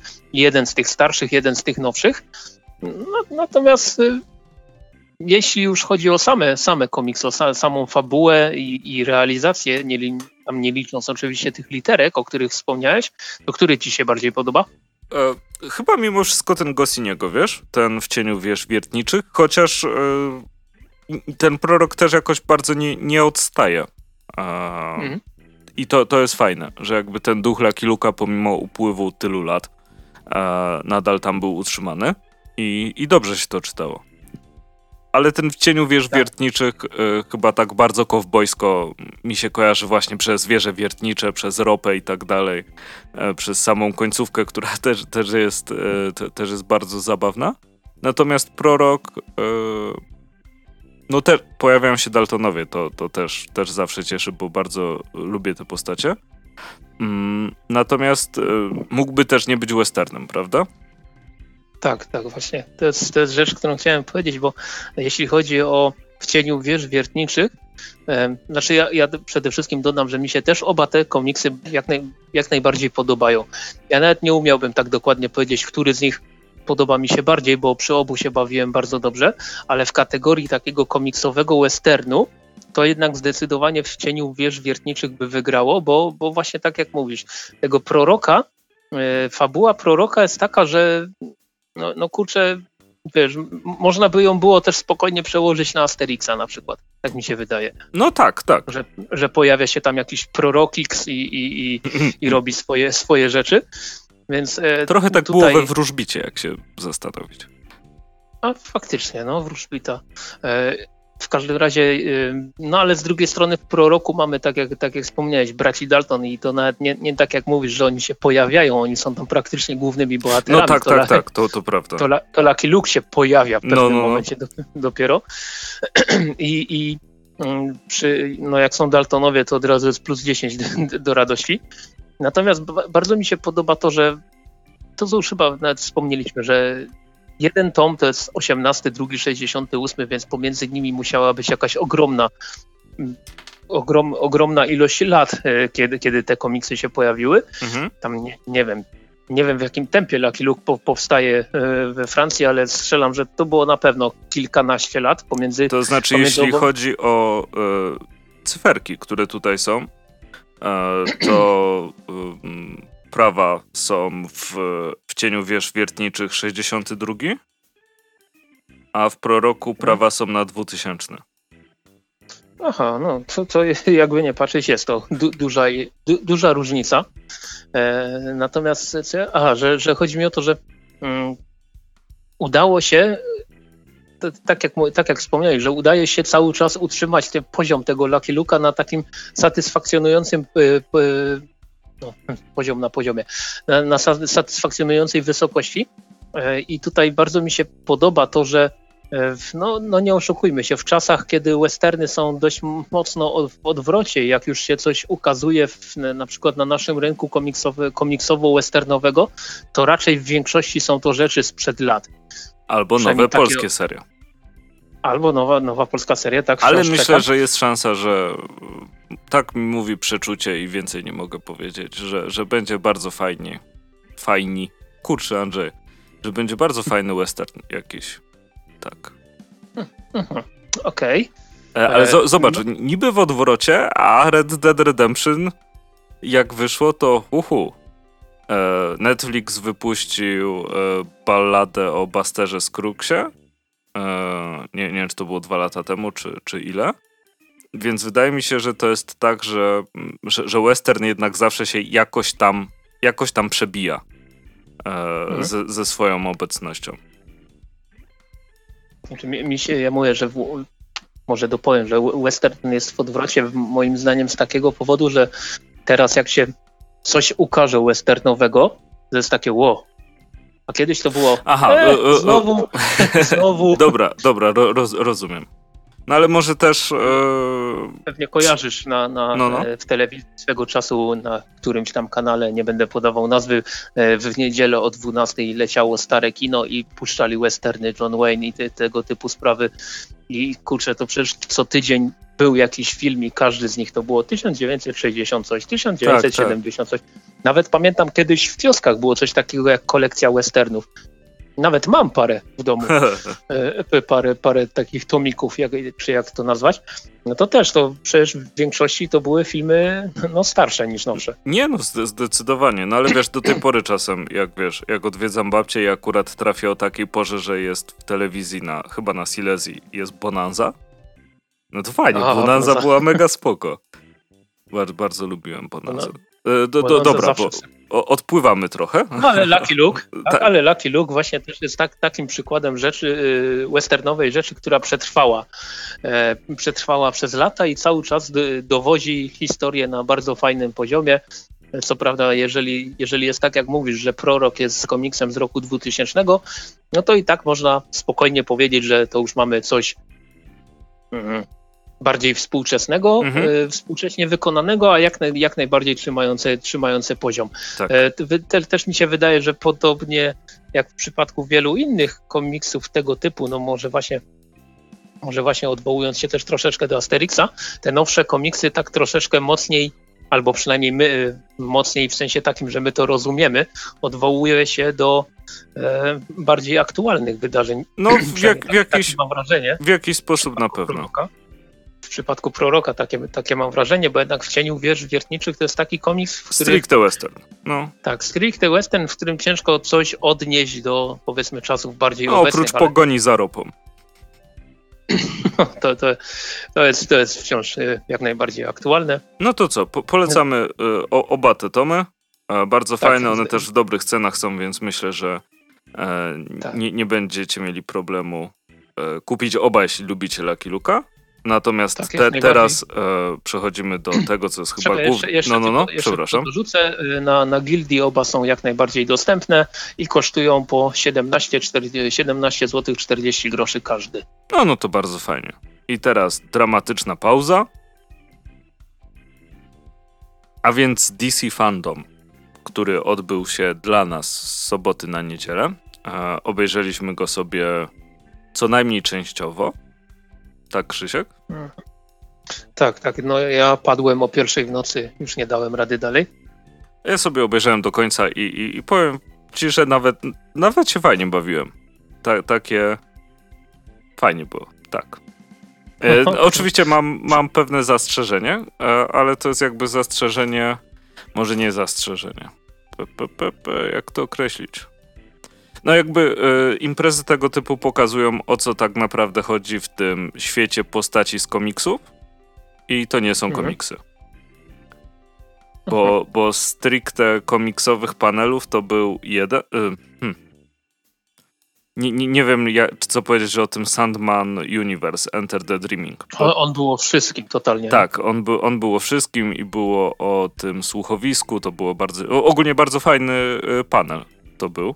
Mhm. E, I faktycznie było o wszystkim, ale chyba najbardziej o komiksach był ten panel niespodzianka, który był za 15-11.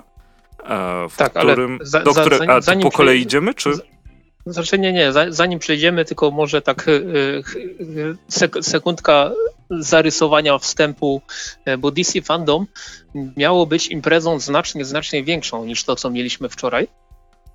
Tylko po prostu stwierdzono, że no nie, nie ogarniemy tego wszystkiego i że, że jest tego za dużo.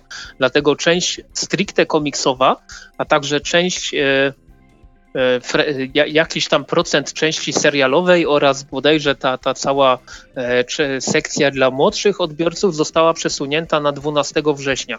Więc będzie jeszcze drugi DC Fandom. I mhm. on zdecydowanie będzie bardziej komiksowy. Natomiast faktycznie jest tak, że w dniu wczorajszym, dobra, w nocy z wczoraj na dziś, tych paneli komiksowych coś tam się uchowało i, i tak na dobrą sprawę tylko jeden z nich był taki turbo, turbo komiksowy. Więc ja bym proponował, żebyśmy o, o wydarzeniach z wczoraj opowiedzieli w kolejności takiej, że komiksy, seriale, gry i filmy. Eee, no dobra. Zastanawiałem się, czy tak, czy jakby po kolei, żeby nic nie pominąć. No nie, nie, tutaj myślę, że nic nie pominiemy, bo mam wszystkie linki możliwe otwarte. No dobra. To od czego zaczynamy? Od komiksów. Od, od, tego, tego jednego konkretnego panelu komiksowego, bo był naprawdę bardzo fajny. Tak, strasznie, strasznie fajnie się go oglądało, fajnie się go słuchało i nie ukrywam, że bardzo mnie cieszy, że Milestone wraca. E, I Milestone wraca w lutym przyszłego roku. E, teraz, czym był milestone dla osób, które, które o tym nie wiedzą? Gdybyście chcieli, żebyśmy mm, zrobili, he, chociaż, mm, ale tym razem byśmy zrobili, tak myślę, e, materiał poświęcony temu, czym było milestone, e, no to po prostu dajcie znać. Ja tam trochę tego czytałem, ty chyba Krzyk tylko zahaczyłeś trochę, nie? O, ja właśnie chciałem powiedzieć, że ten, ten taki odcinek byłby raczej twoim monologiem. E, no to najwyżej ja zrobię krótszy odcinek w takim razie.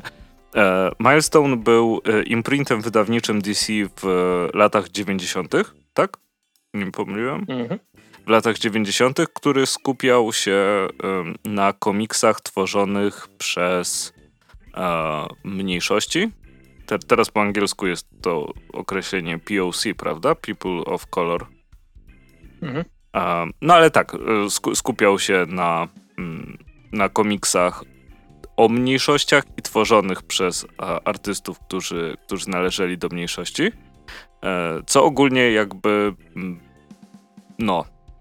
To, to też w czasie panelu było fajnie powiedziane, że jak Jim Lee mówił, że e, że im zazdrościł na tym, jak byli na San Diego Comic Conie i oni wszyscy byli ubrani w garnitury i w ogóle robili imprezę w klubie później i sobie myślę, mm, kurczę, oni są lepsi od nas i tak dalej, i tak dalej. No i twórcy powiedzieli, że e, jakby myśleli, że muszą iść w garniturach, żeby ktoś poważnie e, traktował e, czarną osobę w komiksach.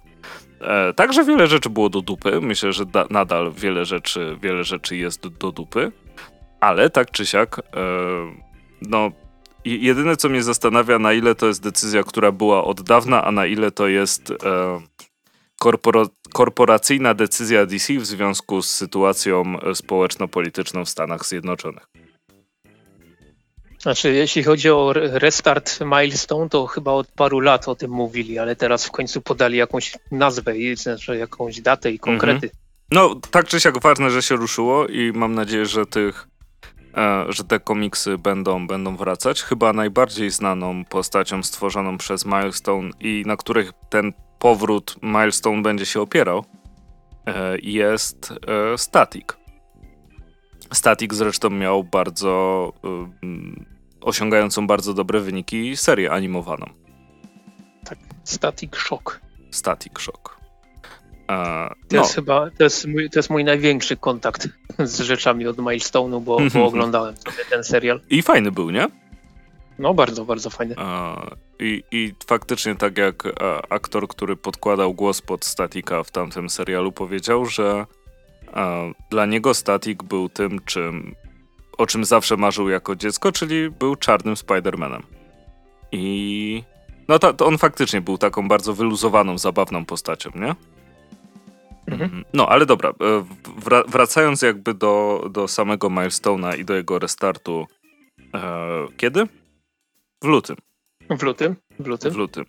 E, no, mnie to e, bardzo cieszy. Zostało zapowiedziane też, że stare tytuły z Milestone'a będą się ukazywały w cyfrze, czyli będą i w Comixology, będą e, tam w Google Books i tak dalej, i tak dalej. W, właśnie w lutym pojawi się nowy Static Shock, który będzie cyfrowo. E, znaczy, to jest Digital First, nie że tylko cyfrowo, tak? To, to, oznaczało mhm. Digital First, nie? Tak, tak. To prędzej czy później też pokaże się na papierze, tylko że nie równolegle z, z zeszytami cyfrowymi, że tak to ujmę. Mhm. E, no i oprócz tego natomiast, na pewno jeszcze... No, no, no. Pozwolę sobie tak się wtrącić na momencik, bo odpaliłem sobie Wikipedię z Mindstone i tutaj widzę, że kurczę, oni każdą serię, jaką wydawali, to ona była dość długa praktycznie. Mhm bo tutaj widzę y, hardware było 50 numerów, Icon 42 numery, Static 45 numerów, Blood Syndicate 35 numerów, więc tutaj no kurczę, ka każdy z tych tytułów osiągał chyba najwyraźniej całkiem niezłe wyniki. E, tak, a Blood Syndicate był moim ulubionym tak naprawdę. E, tam był poruszony hardware. E, na razie hardware'a raczej nie zobaczymy. A to jest ciekawe, bo to jest najdłużej ukazująca się seria z Milestone. E, no tak, to, to prawda. E, I... Ale zobaczymy jeszcze Icon and Rocket. Na pewno się pojawią. Także no, myślę, że myślę, że jest na co czekać. No i w trakcie tego panelu została też e, zapowiedziana, to chyba złe słowo, bo to już, już było wiadomo e, wcześniej, ale że pojawi się y, seria o Batmanie, pisana, znaczy to jest miniseria, pisana przez y, Johna Ridleya.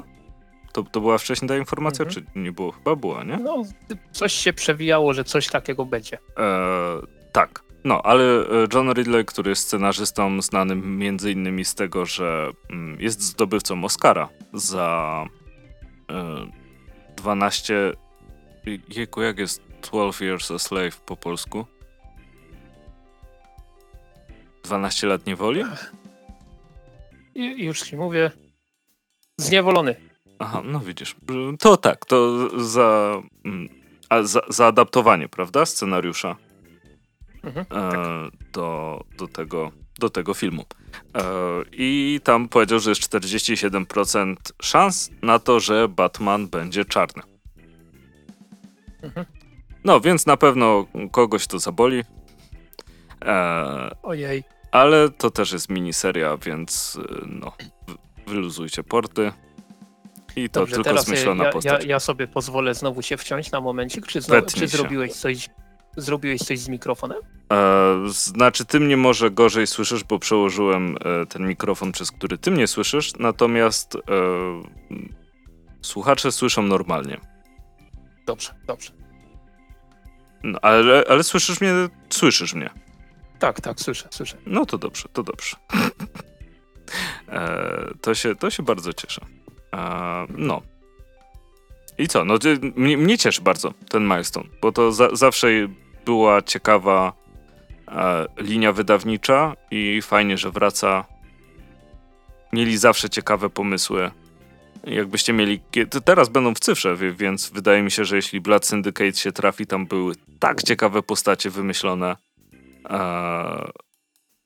I kurczę, oni, oni mieli. Oprócz tego, że i moce mieli ciekawe, oni byli trochę jak Inhumans, ale to nie jest temat o DC e, fandom, więc nie będę tego zaczynał. To produkowanie się zostawię ewentualnie na odcinek o Milestone, jeśli chcielibyście posłuchać. Dobra. Więc właśnie jeśli chodzi o rzeczy takie około komiksowe z DC Fandom, no to praktycznie to jest wszystko, co usłyszeliśmy, bo był, e, był ten panel, który się nazywał e, Multiverse 101, zdaje się. Tak, to tak. Tam, tam, tam Jim Lee tylko powiedział, e, odpowiedział na pytanie, że tak, w najbliższym czasie będzie trochę więcej postaci z Watchmen w komiksach, bo jak to, jak to szczerze, szczerze ujął, trzeba wykorzystać sukces, sukces serialu od HBO. Natomiast y, te takie najbardziej konkretne informacje komiksowe to się dopiero pojawią na tej drugiej części y, DC Fandom, która będzie 12 e, września, tak jak już wspomnieliśmy. Natomiast jeśli chodzi o panele serialowe, to tam ich chyba by, były dwie sztuki, tak coś mi się wydaje. Z czego jeden sobie spokojnie olałem, ale przeczytałem, co tam się mniej więcej, e, co tam mniej więcej powiedziano. No więc jeśli chodzi o siódmy sezon se serialu The Flash, no to pokazano zwiastun, który totalnie mnie nie interesuje, bo ten serial już sobie odpuściłem jakiś czas temu i tak na dobrą sprawę tak na dobrą sprawę nie wiem o co tam się rozchodzi w ogóle już, y, już od jakiegoś czasu. E, zwróciłem tylko uwagę na to, że w tym udostępnionym trailerze nie ma e, nawet przez moment postaci Elongated Mana, czyli, czyli tej postaci, którą grał, jak on się tam nazywał, Hartley Sawyer, wyrzucony e, z ekipy za swoje tweety sprzed paru lat. Więc w tym, w tym zwiastunie on się w ogóle nie pojawił. Nie wiadomo, jak, jak kwestie jego postaci tam rozwiążą. Więc z tego panelu to jest w sumie, w sumie tyle, co, co tam odnotowałem. Natomiast jeśli chodzi o panel dotyczący serialu Titans, to ujawniono, że w trzecim sezonie e, oprócz już zasygnalizowanej Blackfire, e, jednym ze złoczyńców będzie Jason Todd, który przejdzie na ciemną stronę mocy i wszystko wskazuje na to, że doczekamy się Red Hooda. To nawet Natomiast... wprost było powiedziane. Tak? Powiedzieli wprost? Kurczę, tak, ja tak. E, producent powiedział, że Jason Todd będzie Red Hoodem. A będzie, będzie Red Hoodem, dobra. Ja, ja, tam zrozumiałem, że prawdopodobnie będzie. No więc dobra, że, że będzie Red Hoodem. Oprócz tego w trzecim sezonie serialu pojawi się Barbara Gordon, która będzie komisarzem policji w Gotham. Ogólnie akcja serialu przeniesie się do Gotham. E, no i też e, jedną z postaci, która ma się pojawić w tym trzecim sezonie będzie Jonathan Crane, czyli przyszły Scarecrow. I mam nadzieję, że tego nie spierniczą, tak jak e, spierniczyli Deathstroke'a w drugim sezonie, bo no, kurczę, on był fajny w tym drugim sezonie do ostatniego odcinka, w którym zrobiono z niego szmatę. Przepraszam mhm. za wyrażenie. Natomiast jeśli chodzi właśnie o ten trzeci, trzeci sezon Tytanów, no to e, dużo więcej nie można było powiedzieć ani pokazać, bo e, prace na planie z powodów wiadomych zostały wstrzymane na bardzo wczesnym etapie. E, no i, no i tyle, tyle, co można było powiedzieć, to powiedziano, nie pokazano w zasadzie nic. Mhm. I myślę, że przejdziemy do sekcji growej, ponieważ dwa tytuły się pojawiły. Tak, dwa tytuły, e, oba związane, no tak, no, zaskoczenie, czy związane z DC. Natomiast jedno od e, studia Warner Brothers Montreal, które dało nam Batman Arkham Origins, które ja bardzo lubię, bo bardzo fajnie po podciągnęło tą taką detektywistyczną część. Te, tak, ty grałeś w. Origins? E, nie. Nie, okej. Okay. Tam jest takie CSI Batman, że sobie skanujesz miejsce zbrodni i tak dalej, szukało się jakiś poszlak. To, to wyszło całkiem fajnie. Miałem też to szczęście, że obyło się bez bugów mm, przy graniu. To wiem, że nie wszyscy mieli to szczęście. No, ale tak czy siak. A, to jest, ta, to, to jest ta gra, co na premierę w ogóle nie działała, tak? Znaczy mi działała, a kupiłem w premierę, więc to też um, myślę, że kwestia farta. Na PC była. W... O, wo, właśnie, widzisz, bo na konsoli grałem przecież. Na PC nie działała, tak, to, to prawda. Tak czy siak. Um, ta gra, którą teraz dostaniemy, nazywa się Arkham Knights.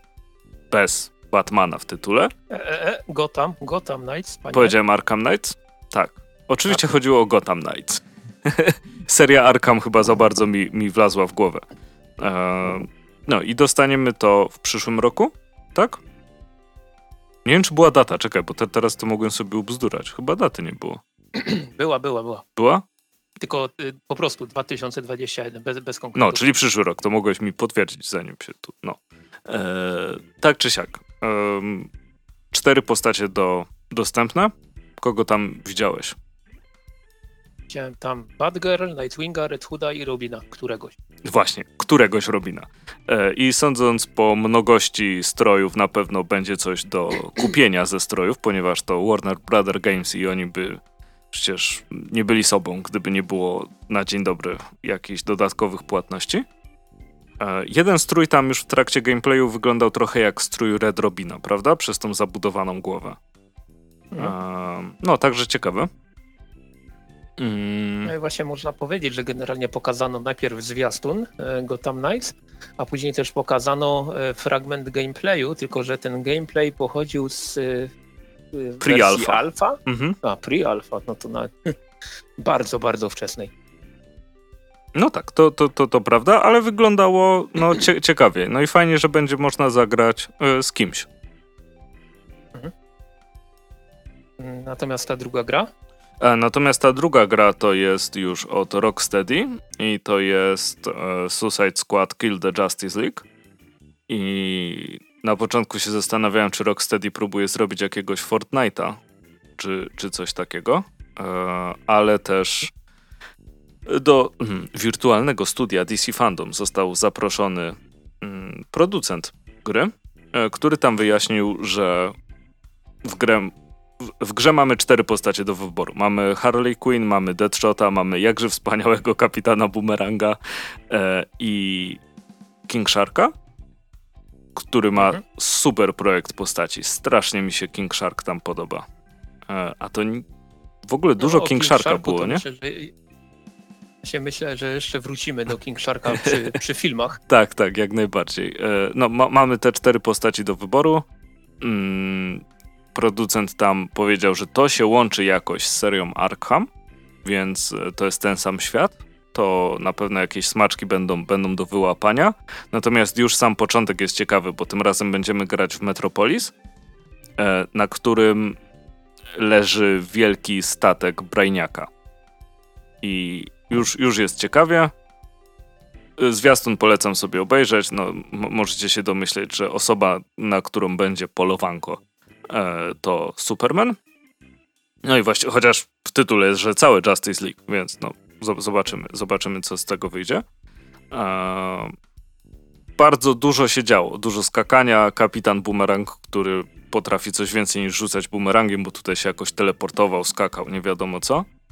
Eee, myślę, że pójście trochę w stronę humoru, żeby jakoś rozładować to, to, to Suicide Squad. Ty widziałeś zwiastun, prawda? Tak, tak, widziałem zwiastun dzisiaj rano. no, to tam I mi się... I się trosze, i się troszeczkę naśmiały. No, bo, bo, bardzo mi się podobało, jak wszyscy, o, ty, właśnie, że, że Deadshot nigdy nie puduje, nie? To, to było tak, zabawne. Tak, wiemy, wiemy. E, I e, spoko też ta opcja, jak Deadshot jetpackiem palił te zombiaki. Tak, to, no, znaczy tak, nazwijmy to zombiaki tak mocno um, umownie, no bo to jakieś twory mhm. brajniaka, prawda? E, no, ale to jest to jest gra, która okaże się za dwa lata. No już z tego, co było wypisane mm, na końcówce, no to nowa generacja konsol, no i oczywiście PC-ty. Ale Rocksteady to Rocksteady, już chyba długo nad tym pracują, ale no mam nadzieję, że, że dopracują. I, I liczę, że będzie super. Na pewno będziemy chcieli to sprawdzić. No. Jak ja, się odpali? Jak, tak, tak, tak jak ci pisałem całkiem niedawno, pod Baldur's Gate 3 będę musiał wymienić 3 czwarte komputera, więc no, może być lipa, ale zobaczymy jak to będzie. Może, nie wiem, karty graficzne zaczną z nieba spadać nagle. Hmm. Natomiast jeśli chodzi o e, część grową DC Fandom, no to te, te dwie informacje były najważniejsze i myślę, że możemy przejść do tego, e, jakby to powiedzieć, creme de la creme wczorajszych, wczorajszych zapowiedzi, czyli zapowiedzi filmowych. I myślę, że może zaczniemy od takiego ekspresu po panelach, na których nie padło zbyt wiele informacji, bo paść nie mogło. Mhm. I myślę, że można powiedzieć tak, o, jeśli chodzi o panel poświęcony Shazam 2. To poznaliśmy to ujawniono, tytuł. Tak, ujawniono podtytuł, który brzmi Fury of the Gods i e, Dawid Sandberg, e, tylko tak można powiedzieć, że tak zadawał pytania w stylu, ale, ale jacy bogowie, dlaczego się wściekli? No i, i te, o, tym, o tym ma być e, ten film. No niestety z wiadomo jakich powodów dużo więcej nie można było pokazać na, na tym panelu. I podobnie było na panelu poświęconym Black Adamowi. Aczkolwiek tutaj padło troszkę więcej, więcej konkretów. Tak, i, e, i po, pojawił się The a to zawsze cieszy.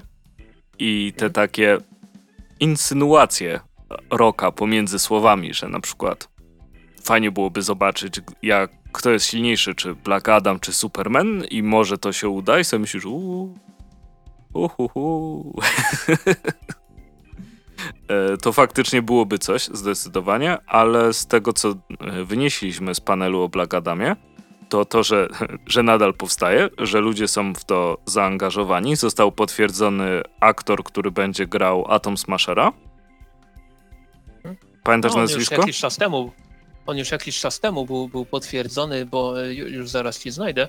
On już jakiś czas temu był potwierdzony, bo pamiętam, że po, no parę dni temu robiłem blog na, na DC Maniaka posta, gdzie po prostu widać zdjęcie, jak, y, jak przypakował do roli. A tak, ale on przypakował nazywa... do innej roli. Tak? No bo on gra Himena. Wiesz, Ach, Himena gra, ale dobrze, ale w każdym razie już, już pod Atom Smashera też jest jak najbardziej, można powiedzieć, przygotowany. On się nazywa Noah Sentineo. No właśnie. No, ale tak, tak, faktycznie. Jak już przykoksił do Himena, to z Atom Smasherem też może być. Natomiast e, o, wiem, że będzie Atom Smasher. Ma się zacząć pojawiać JSA, e, a mhm. Black Adam i JSA... Podano, po, podano skład tego JSA. Tak, będzie panelu. Hawkman, będzie Doctor Fate Doctor. i Cyclone, tak? No i, no i wspomniany Tak, Atom no i Atom Smasher oczywiście. E, no e, i... I to, co się też pojawiło na mhm. tym panelu, to takie dwie anonim, y, anonimowe, Jezu, co ja tam, animowane e, za, zajawki. Właśnie jedna, która przedstawia postać Black Adama mhm. i była bardzo fajna, i druga, która pokazywała właśnie wspomniane JSA. Tak, no i tak te, te ruchome komiksy super zrobione były. Mhm. I, I fajnie, że cho chociaż tyle zrobili tak naprawdę na, na ten DC Fandom, skoro no jeszcze nie ruszyły prace E, nie ma kostiumu, chociaż powiedzmy, że kostium jest, to wrzucę zdjęcie na Facebooka. E, I e, fajnie, że, że, że było coś takiego, bo to naprawdę fajnie się oglądało. I też ciekawe to podejście, no jakby, jak, jak znasz Blagadama, to nie jest to żadne zaskoczenie oczywiście. Natomiast to, że on się budzi, jakby zostaje przywrócony po tych pięciu tysiącach lat, a to takie zderzenie kogoś, kto był jakby no w tym przypadku bardzo dawno temu, e, ze współczesnością e, jest bardzo fajnym polem do popisu dla scenarzystów. E, nie mówiąc o tym, że Goście Goście to jeden z najzabawniejszych filmów, jaki, jaki się ukazał. Bardzo chętnie bym go sobie jeszcze raz obejrzał. tak czy siak. No, czekam na ten film. No, ciężko też nie czekać na coś z Derokiem. Bardzo często gra w krapach, to prawda. Bardzo często gra jedną i tą samą postać. Tak, ale, ale, tutaj ale to jest postać The Rocka. I... Dokładnie. No ja właśnie trzymam kciuki, żeby Black Adam nie był The Rockiem kolejnym. Nawet jeśli będzie, to im da dużo pieniędzy. No, nikt nie zarabia tak dobrze jak The Rock. Otóż to. E, no więc co, przechodzimy do kolejnego panelu, który był taki króciutki i w sobie nic, nic e, niewiele ciekawego ujawnił, czyli panel o filmie The Flash, e, gdzie w zasadzie najważniejszą informacją, jaką przekazano, były koncept arty nowego stroju tytułowego bohatera i wszystko wskazuje na to, że będzie biegał w piżamce, a nie, a nie w zbroi, tak jak u Zaka Snydera. No i te koncept, koncept arty mi się nawet podobały. Sam mhm. panel mi się nie podobał akurat. No, mi też nie za bardzo, ale koncept arty spoko. Mhm. E, tutaj może tak e, dodam, oczywiście e, reklama i w ogóle, że wszystkie te najważniejsze wczorajsze panele i, i ujawnione informacje możecie znaleźć na DC Maniaku, a także na, na Facebooku, bo nie, nie o wszystkich panelach robiłem konkretnego posta. Na przykład właśnie ten o, o Flashu jest tylko i wyłącznie na Facebooku, więc tam można zajrzeć i poczytać. Natomiast myślę, że możemy teraz przejść do tych paneli, które pokazały coś, coś dużego, większego i, i wartego wspomnienia. Mm, I co, może zaczniemy A to, to po, poczekaj, bo myślę, że no, możemy no, no. na tym skończyć. Ja tylko powiem na szybko o tych pomniejszych panelach jeszcze. E, mhm. Co mniej więcej się działo, jakbyście się zastanawiali nad tą kolejną edycją e, DC Fandom, czy oglądać. Moim zdaniem było warto. E, bardzo fajny był e, ten materiał, który się nazywał I'm Batman, The Voices Behind the Call, gdzie była o, rozmowa no to, to... z różnymi aktorami podkładającymi głos pod Batmana w różnych krajach. I to, to był tak, naprawdę fajny warto materiał. Podkreślić, warto podkreślić, że pokazano nie, że amerykańskich aktorów, no tak nie, jak nie, się nie. spodziewałem, to... tak jak się spodziewałem, że będzie Kevin Conroy i ta cała, ta cała ferajna, tylko właśnie pokazano i to z Francji, z Hiszpanii, z, z Włoch, Meksyku, Portugalii. Aktora, który, który podkładał w hindu wersji, tak? Tak, tak, tak. I, I było bardzo fajnie zmontowane, bo jak na przykład bardzo często się tam też posługiwano Lego Batmanem. E, co, co też było zabawne, że y, na przykład Batman, y, Alfred mówił po angielsku, a Batman odpowiadał w różnych językach. I bardzo fajnie się to oglądało. To, to było naprawdę y, dobrze zrobione. E, po panelu Shazama, jak czekałem właśnie na ten panel Suicide Squad Kill the Justice League, ekipa właśnie tego nowego Wonder Woman grała w to oni to, to mieli jako Werewolf 1984, e, czyli e, jeśli nie wiecie, Werewolf jest tym, co w Polsce znamy jako grę Mafia. I, ale to śmiesznie zaakcentuję. Mafia. E, I e, oczywiście nie chodzi o tą grę, co się tam ściga parówkami, takie GTA w Chicago. E, nienawidziłem tej misji swoją drogą z tym samochodem.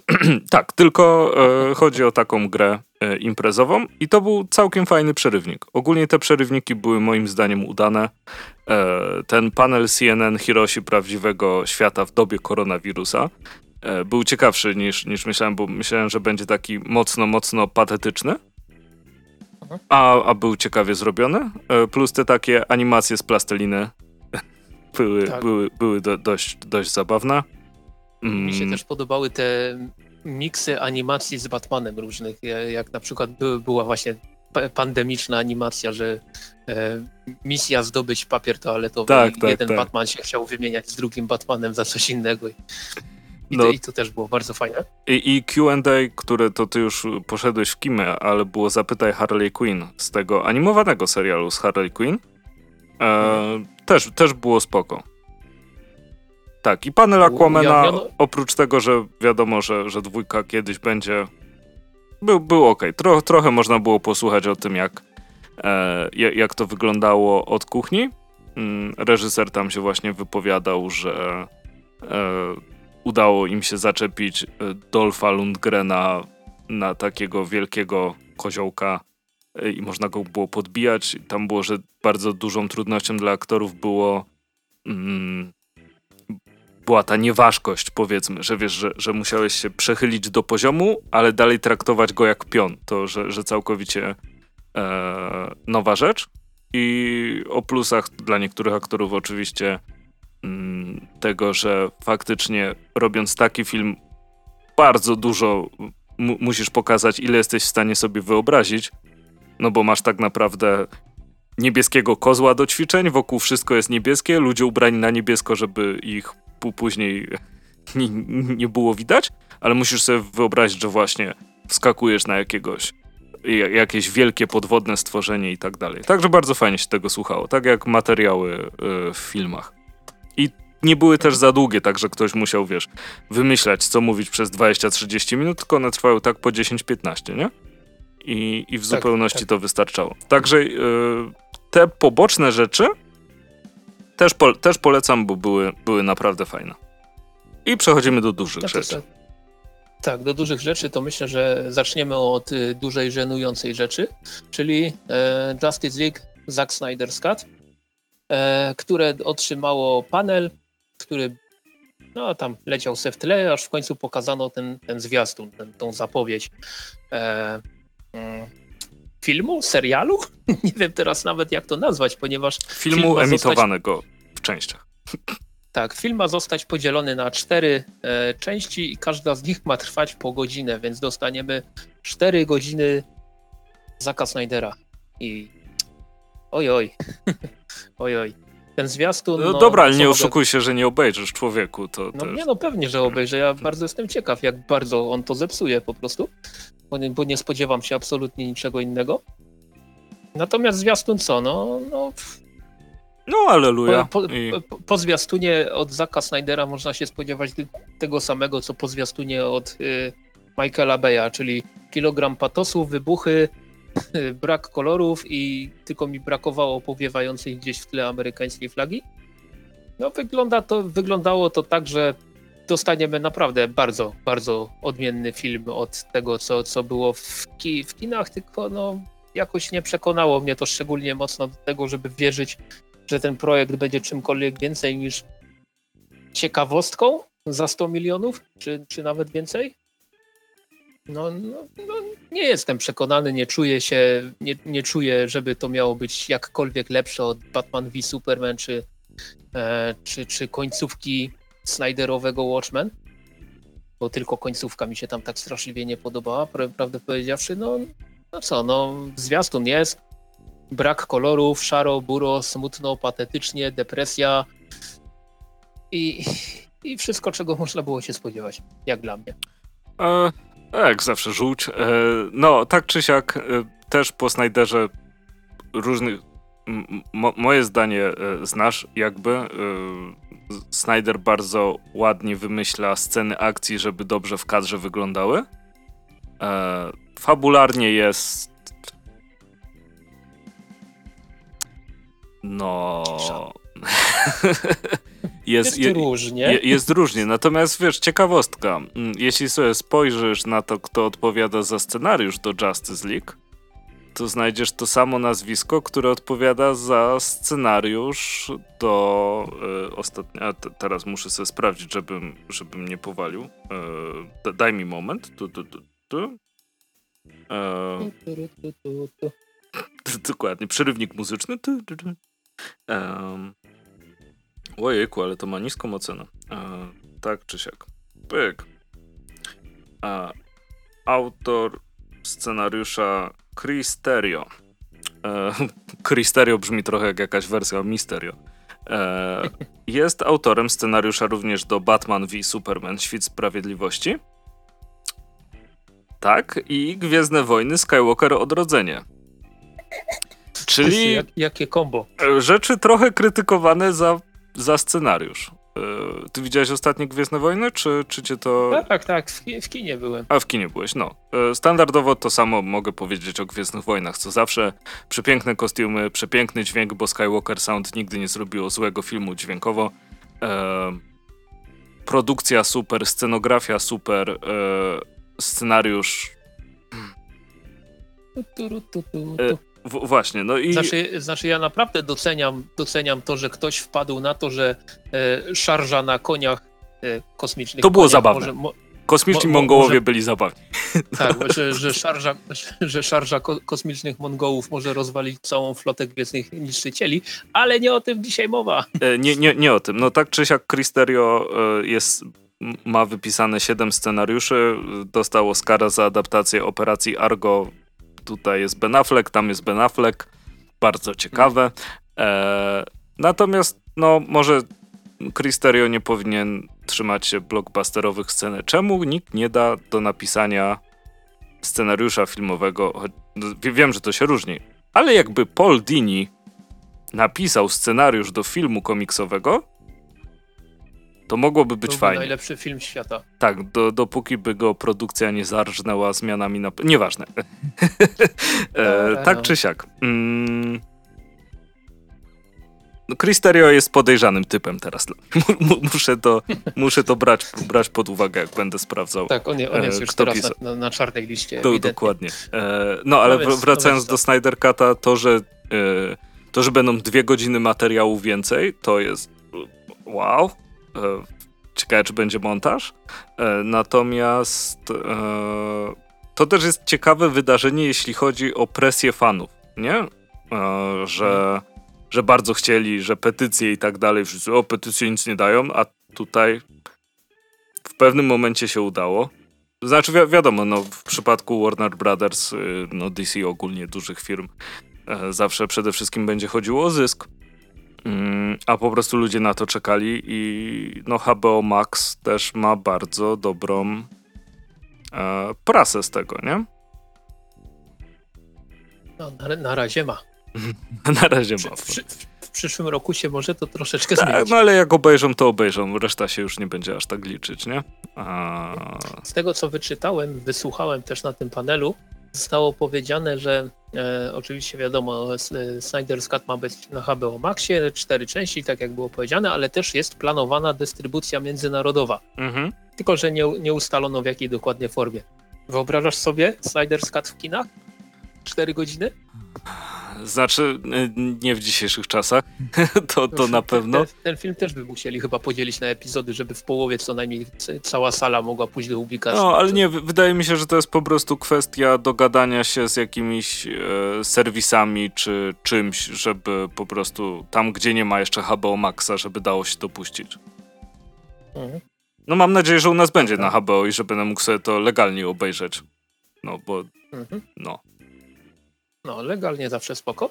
Więc co, Justice League, Snyder's Cut, 2021 rok, HBO Max, zwiastun jest i pewnie jeszcze nie jeden dostaniemy po drodze.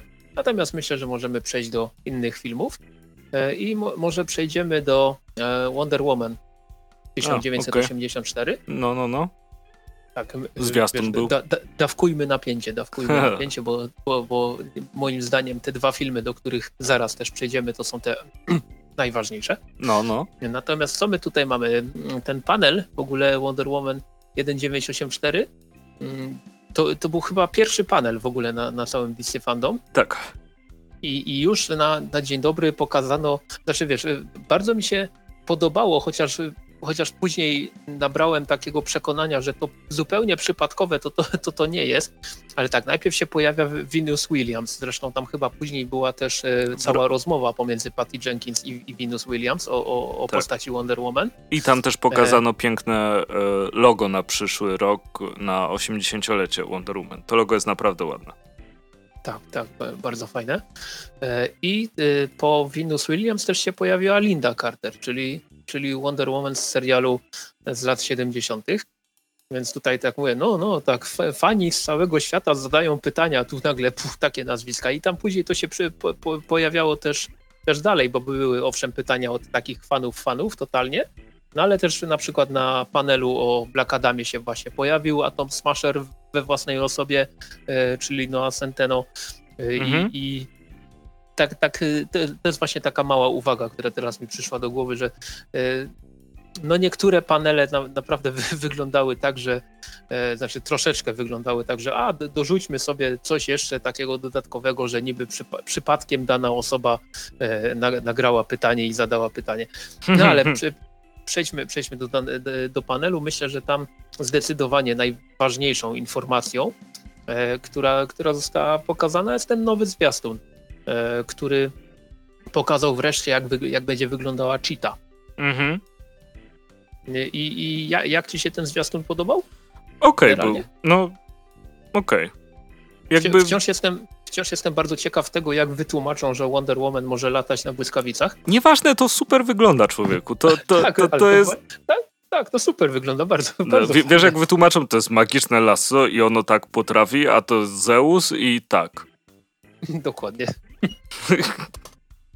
Ku, Oficjalne stanowisko.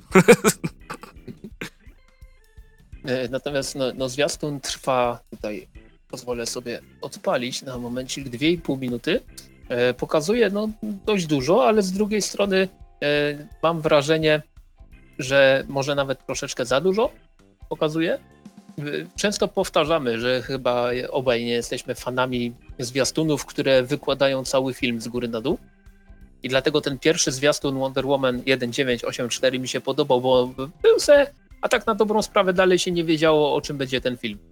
Natomiast tutaj, tutaj jest jak dla mnie dużo pokazane i nawet aż za dużo w pewnym momencie. Mhm.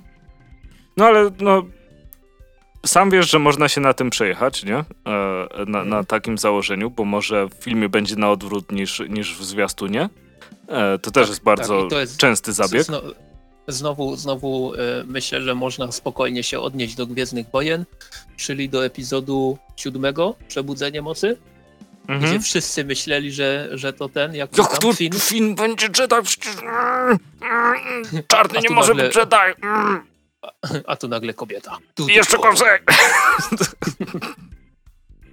tak, więc, więc te, ale tak, jeżeli faktycznie się okaże w kinie, mam nadzieję, że w kinie, że, że ten zwiastun, można powiedzieć, dużo nakłamał w taki mhm. pozytywny sposób, że nie wyłożył cał, całego filmu w 2,5 minuty, to, to, to będę zadowolony. Mhm. No a Gal Gadot jak zwykle super. Ona, no, kurczę, no, jest taki, taki taka pozytywna osoba, że jakieś wywiady z nią, rozmowy zawsze się fajnie, fajnie ogląda i, i czyta i słucha generalnie. No tak, to, to, to prawda.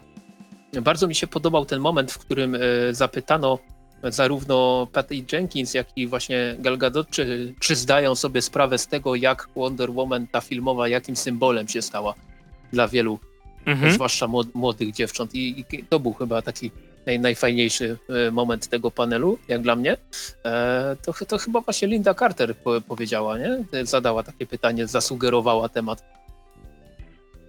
A nie Patty czy, Jenkins? Czy coś, czy, czy, coś, czy coś teraz mieszam, bo właśnie, właśnie już...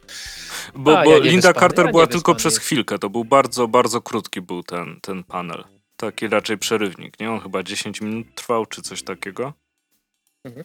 Wydaje mi się, że to w rozmowie e, Patty Jenkins znaczy, z Sereną, e, Boże, z Venus Williams e, hmm. było to pytanie. Znaczy ja generalnie powiem, że to był ten panel, gdzie, e, gdzie mój internet jeszcze nie, nie do końca chciał współpracować ze stroną DC Fandom, bo, bo miałem momentami pokaz slajdów, więc coś mi się tam mogło faktycznie pomylić. Więc, więc dlatego pytam, pytam ciebie, bo może miałeś lepsze łącze w tym momencie. Nie, nie, nie, miałem. Ni niestety. Co jakiś czas mnie zawodziło. I na przykład wywaliło mnie na początku panelu o Snyder Cutie, co, co, co trochę mnie zdenerwowało, bo akurat to chciałem e, zobaczyć i wywaliło mnie z panelu o Black Adamie. To mnie naprawdę zdenerwowało. No ja, ja najgorsze, naj, znaczy najgorsze, największe przejścia miałem na panelu, do którego zresztą zaraz myślę, że przejdziemy, czyli o The Suicide Squad filmowym, bo tam to już kompletnie nie, nie, da, nie dałem rady. Jedyne co tak na dobrą sprawę płynnie mi działało, to było akurat te najważniejsze rzeczy, które tam pokazano, czyli, je, y, czyli przedstawienie postaci i ten, ten filmik z behind the scenes. Mhm. Myślę, że myślę, że właśnie możemy przejść do, do panelu The Suicide Squad, bo był chyba, chyba jeden z najzabawniejszych panelów. Tak, był ba bardzo fajny. Był, ba bardzo mi się podobał. Dlatego e, tym bardziej żałuję, że, mi, że co moment mnie wywalało. Bardzo fajna była ta animacja przedstawiająca, kto jest kim i też jak wygląda i z tymi takimi narysowanymi jakby logo każdej postaci. Mhm. E, bardzo, bardzo mi się podobało. No a tych ludzi tam jest naprawdę, naprawdę dużo. E, tak, no, myślę, że nie ma co się oszukiwać, że część z nich będzie... E, Mięsem, będzie, wiadomo. Tak, przez, przez 10 minut w filmie. Tak A, ale też jakby... Slip, Slipknot, nie? ale też jakby nawiązywano do tego e, w samym panelu, no bo tam było pytanie, oni dzielili się na dwie drużyny e, i, e, i było pytanie, mm, kogo jakby zabiliby jako pierwszego. Czy tam z kim nie chcieliby być w drużynie i obie drużyny powiedziały, że z Michaelem Rookerem. Nieważne, że on był w jednej z nich. Nie? Właśnie. Właśnie to co, to, co wspomnieliśmy, że na tym panelu wreszcie ujawniono, kto kogo zagra, tak na dobrą mhm. sprawę. A ja mam listę, to I... mogę przedstawić, jeśli ten. No jasne, proszę e, bardzo. Idris Elba zagra Bloodsporta i ma dość ciekawą ksenomorficzną maskę na, na twarzy, nie? Mhm. Mm, dobra, później jest Alice Braga, która zagra e, Sul Sorię, to jest nowa postać. Mhm. E, I tutaj nikt nie zgadł, kogo zagra Nathan Fillion, dlatego że Nathan Fillion zagra TDK czyli postać wymyśloną przez Jamesa Gana. E, tak, cwane zagranie, Jamesie Ganie, bardzo cwane. E, Pete Davidson zagra Blackguarda, Michael Rooker zagra Savanta, John Cena zagra Peacemakera, to Tak, też mnie, też mnie cieszy bardzo. E, David, mm, uwielbiam aktora, ale z, mam problem zawsze z, z nazwiskiem. E, Dust Malchian e, zagra Polka Dotmana. E, Sean Gunn zagra e, Rocket A nie, przepraszam, Weasela.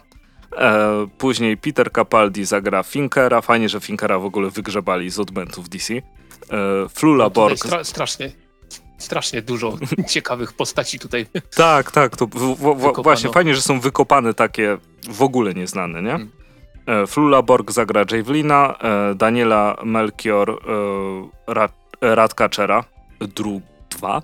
To było wielokrotnie tak, podkreślane, właśnie. tak jak to, że Rumia się pisze przez jedno i, jak mówisz Rumi. Mhm. E, mailing je zagra e, Mongal, czyli e, córkę Mongula. Córkę Mongula. E, al, a, a, to nie, ona, ona nie jest bliźniaczką Mongula? Nie, sprawdzę. No dobra. E, no i King Shark będzie piękny i tam machał tam paluszkami swoimi śmiesznymi, wielkimi. Tak, właśnie on tak fajnie wyglądał. no King Shark ma właśnie takie... Córka, Mongula. Córka Mongula. Tak jest.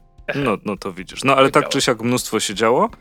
E, bardzo fajny był ten właśnie, ta, ta gra. Myślę, że gdzieś w, w, internecie będziecie mogli to zobaczyć, jak oni się tam dzielili e, na, na, na drużyny. I na początku właściwie wybierali drużyny, bo, bo był e, była Amanda Waller po jednej stronie i oczywiście zapomniałem ten przywódca. Rick Flag? Tak, i, i, i Rick Flag po drugiej stronie i, i jak w szkole każdy po kolei wybierał e, kto z kim chce być. No, Idris Elba poszedł na pierwszy ogień. e, ale nie, nie ukrywam, że, że wcześniej myślałem o Suicide Squad, że będzie tak no może być fajne, a, a po tym panelu, jakby po tym, ile rzeczy się tam dzieje, jakby po rzeczach, o których e, mówił e, James Gunn, co jakby go częściowo inspirowało, e, co dla niego było ważne, jeśli e, chodzi o Suicide Squad. On tu się, i teraz oczywiście mi wyleciało nazwisko z głowy, a cały czas miałem to przygotowane. Jonas Rander? E, tak, bo to, to, to, jego run w Suicide Squad był, nie? Tak, tak, tak, tak. tak. Właśnie było mówione, że John Ostrander był w ogóle na, na, na planie. planie filmowym. Tak, i że James Gunn traktuje swój film jako e, nie przedstawianie na nowo, tylko to, co mogłoby się wydarzyć po, po jego ranie e, w komiksach. No jak ktoś się odnosi do Parszywej Dwunastki, to dla mnie spoko, dobra. Bardzo lubię ten film, więc E, to też mnie może zainteresować. Plus, to nie ukrywam, jeśli to ma być film akcji, to ma być tam akcja. Tak, to e, minimalne wymagania sprzętowe. E, I mhm. jak było powiedziane, że, mm, że w tym filmie jest więcej wybuchów niż we wszystkich filmach, które do tej pory zrobili w Marvelu, pomyślałem, nie będzie nic oprócz wybuchu. Ekstra. Zresztą ten filmik, który też pokazano na tym panelu, ten właśnie z behind the scenes, on, kurczę, tak jak przedstawienie postaci, ten pierwszy filmik mi zrobił na mnie duże wrażenie, bo, bo te postacie niektóre wyglądają tak kuriozalnie, że aż, śmie aż śmiesznie i aż fajnie. Zwłaszcza na przykład ten... Polka Dotman. Polka Dotman no, wygląda super, ale też e, e momencie muszę poszukać. E, ten, którego e, Michael Rooker gra, tak? To... No właśnie, tak, tak. Sa Savant, jejku, jak on, on wygląda, jak Omega Red dla ubogich, to jest. Tak, al albo Pete, Pete, Davidson, który zagra Blackguarda i też go tam pokazali jako te, no, no, no, no, no. No ale no, przede wszystkim King Shark, no, no, no. King Shark wygląda cudownie. tak, że aż chciałoby się go przytulić. Tak, do, dokładnie. E, liczę na jakieś, natomiast że będą ten, figurki. Tak, natomiast ten filmik e, z Behind the Scenes, on pokazywał strasznie dużo właśnie takiej, takiej e, akcji, wybuchów. Na, nawet e, zwróciłem uwagę, że mm, znowu kapitan Bu Boomerang ma takie świecące bumerangi i, no, no tutaj, no, no. i on faktycznie nimi rzucał w tym, w tym behind the scenes, znaczy przynajmniej czym się rzucał, co świeciło. Mm -hmm. I to fajnie wyglądało. No, nowy, nowy, nowy design Harley Quinn. Y, mi się podobało ogólnie wszystko, co, co pokazano na tym panelu było jak dla mnie bardzo fajne. -hmm. No, zgadzam się z tym. Pa panel bardzo udany, jakby podkręcił to oczekiwanie na Suicide Squad. Uważam, że DC zrobiło bardzo dobrze, zatrudniając e, Jamesa Gana do tego, bo jeśli chodzi o no on dobre filmy akcji kręci, nie? Wiem, że ty mhm. masz e, negatywny stosunek do Strażników Galaktyki. E, ale, ale, tylko do jedynki. Ale tylko do... Aha, okej. Okay. W, te, w, ten sposób. Um, myślę, że może wyjść naprawdę, naprawdę coś fajnego, jeśli tylko dano mu wolną rękę. Zawsze doceniam, jak masz, um, jak, jak, jest writer, dyrektor jako jedna, boże, scenarzysta i reżyser jako, jako jedna osoba. Mm, bo to jest ta taka prawdziwa wolność. Znaczy, wiadomo, w amerykańskim systemie robienia filmów, gdzie jak ktoś daje pieniądze, to ma główną władzę. Znaczy, to chyba tak na całym świecie wygląda. No, tak czy siak. E, no, Fajnie, że realizuje mówił, swój że scenariusz. Nikt mu się nie wpierniczał za bardzo. Tak, i, i że ten, e, już zapomniałem nazwiska, to widzisz, to, to niedobrze. Gość ma takie nazwisko, że jest na mojej czarnej liście, a ja o tym nie pamiętam. Eee, Cristerio. A, Cristerio. Cristerio serio brzmi jak przeciwnik Spidermana. Eee, no, że Cristerio nie pisze scenariusza, e, to też, też, też jest spoko. Naprawdę czekam na ten film. E, I super, Dobra, że i... udało się go nakręcić, zamknąć jakby e, część produkcyjną, planową e, w, przed pandemią. Tak, jak najbardziej. I że wszystko wskazuje, I... że to sierpień przyszłego roku, nie? Tak, tak, jeszcze rok właśnie, żeby, żeby się doczekać tego filmu. Natomiast przejdźmy do tej, tej ostatniej filmowej zapowiedzi, czyli The Batman. Jej. I to jest rzecz, którą ja, ja, ja, panelu kompletnie nie widziałem, więc, więc jakbyś ty mógł przejąć e, inicjatywę, bo widziałem hmm. tylko i wyłącznie zwiastun. To może powiedzmy sobie, do, do, albo dobra, e, jeśli chodzi o to, co było wcześniej, e, Matt Reeves pojawił się tam cyfrowo osobiście i opowiadał trochę o tym. Mówił, że jedną rzecz przez przypadek zaspoilerował, mianowicie w odpowiedzi na pytanie, e, jak ważna jest architektura, on mówił, że jakby to nakręcili w Nowym Jorku, to by wszyscy poznali, że to jest Nowy Jork. Więc e, wiesz, gdzie będzie kręcony Batman? W Czechach? W Anglii, w Liverpoolu. E, dlatego, że zależało mu na takiej właśnie gotyckiej architekturze. No i oczywiście będzie wzbogacony przez CGI. Nie, nie oszukujmy się, że, że będzie inaczej. To ma być Gotham, a nie Liverpool. E. Ale fajnie, że to nie jest właśnie Chicago po, po raz kolejny, że, że to nie jest Nowy Jork, tylko że go tam będzie w jakiś sposób tworzone. Mm, no, w, wypowiadał się trochę o e, swoich jakby inspiracjach e, do, do, do samego filmu e, i spytany właśnie o komiksowe inspiracje powiedział, że ego Darwina Cooka o, ja, i ja już kocham mm, ten film w tym momencie. Mm, mm. oprócz tego, że Madriv stworzył naprawdę wybitną tą planetę małp, to e, jak zobaczyłem zwiastun pierwszej części, myślę sobie, no super, to daliście wszystko w trailerze ekstra i po co to oglądać? Obejrzałem i sobie myślę, o Andrzej, jak mało wiesz o życiu. naprawdę. E, I, e, no, tak, no. ale to jest fascynujący przykład filmu, który jest cały w zwiastunie, po czym idziesz do kina i jesteś zadowolony. Tak, tak, no bo e, jakby mm, tak samo jak z Jamesem Bondem, nie? Wiesz jak się skończy. Zawsze się kończy tak samo. Ale jak do tego no dojdzie, no tak. to, to jest zupełnie inna historia. właśnie wspominał o, o tym, że stworzenie Batmobilu i kostiumu zajęło rok i że Robert Pattinson rozmawiał bardzo długo z Christianem Bale'em o tym, na co powinien zwrócić uwagę przy kostiumie. Zresztą sam był obecny przy, przy tworzeniu kostiumu Batmana. E, Christian Bale podobno powiedział mu, e, że najważniejsze, co musi pamiętać przy kostiumie Batmana, to żeby mógł iść do ubikacji. No. no, Nolan jest bezlitosnym reżyserem.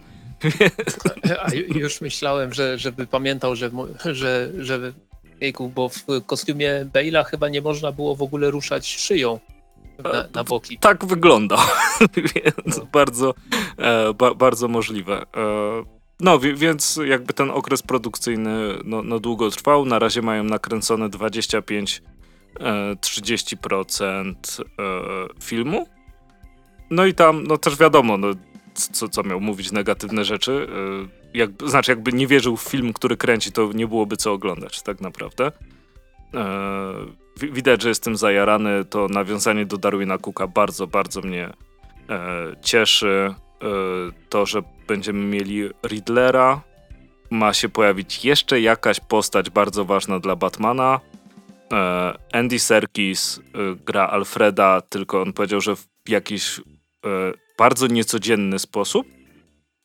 Mm. No w zwiastunie go nie ma w ogóle. Jest jego głos. Chyba raz, raz, raz słyszymy. No, jak no, no, no, no, no. Ciekawe, czy może będzie programem jakimś albo czy, czymś takim, bo słychać go zawsze przy komputerze. To też. No, no a Andy Serkis mógłby zagrać komputer. Ta, Andy Serkis mógłby wszystko zagrać, a i tak bym, tak, i tak bym się cieszył. E, to jest niesamowity aktor.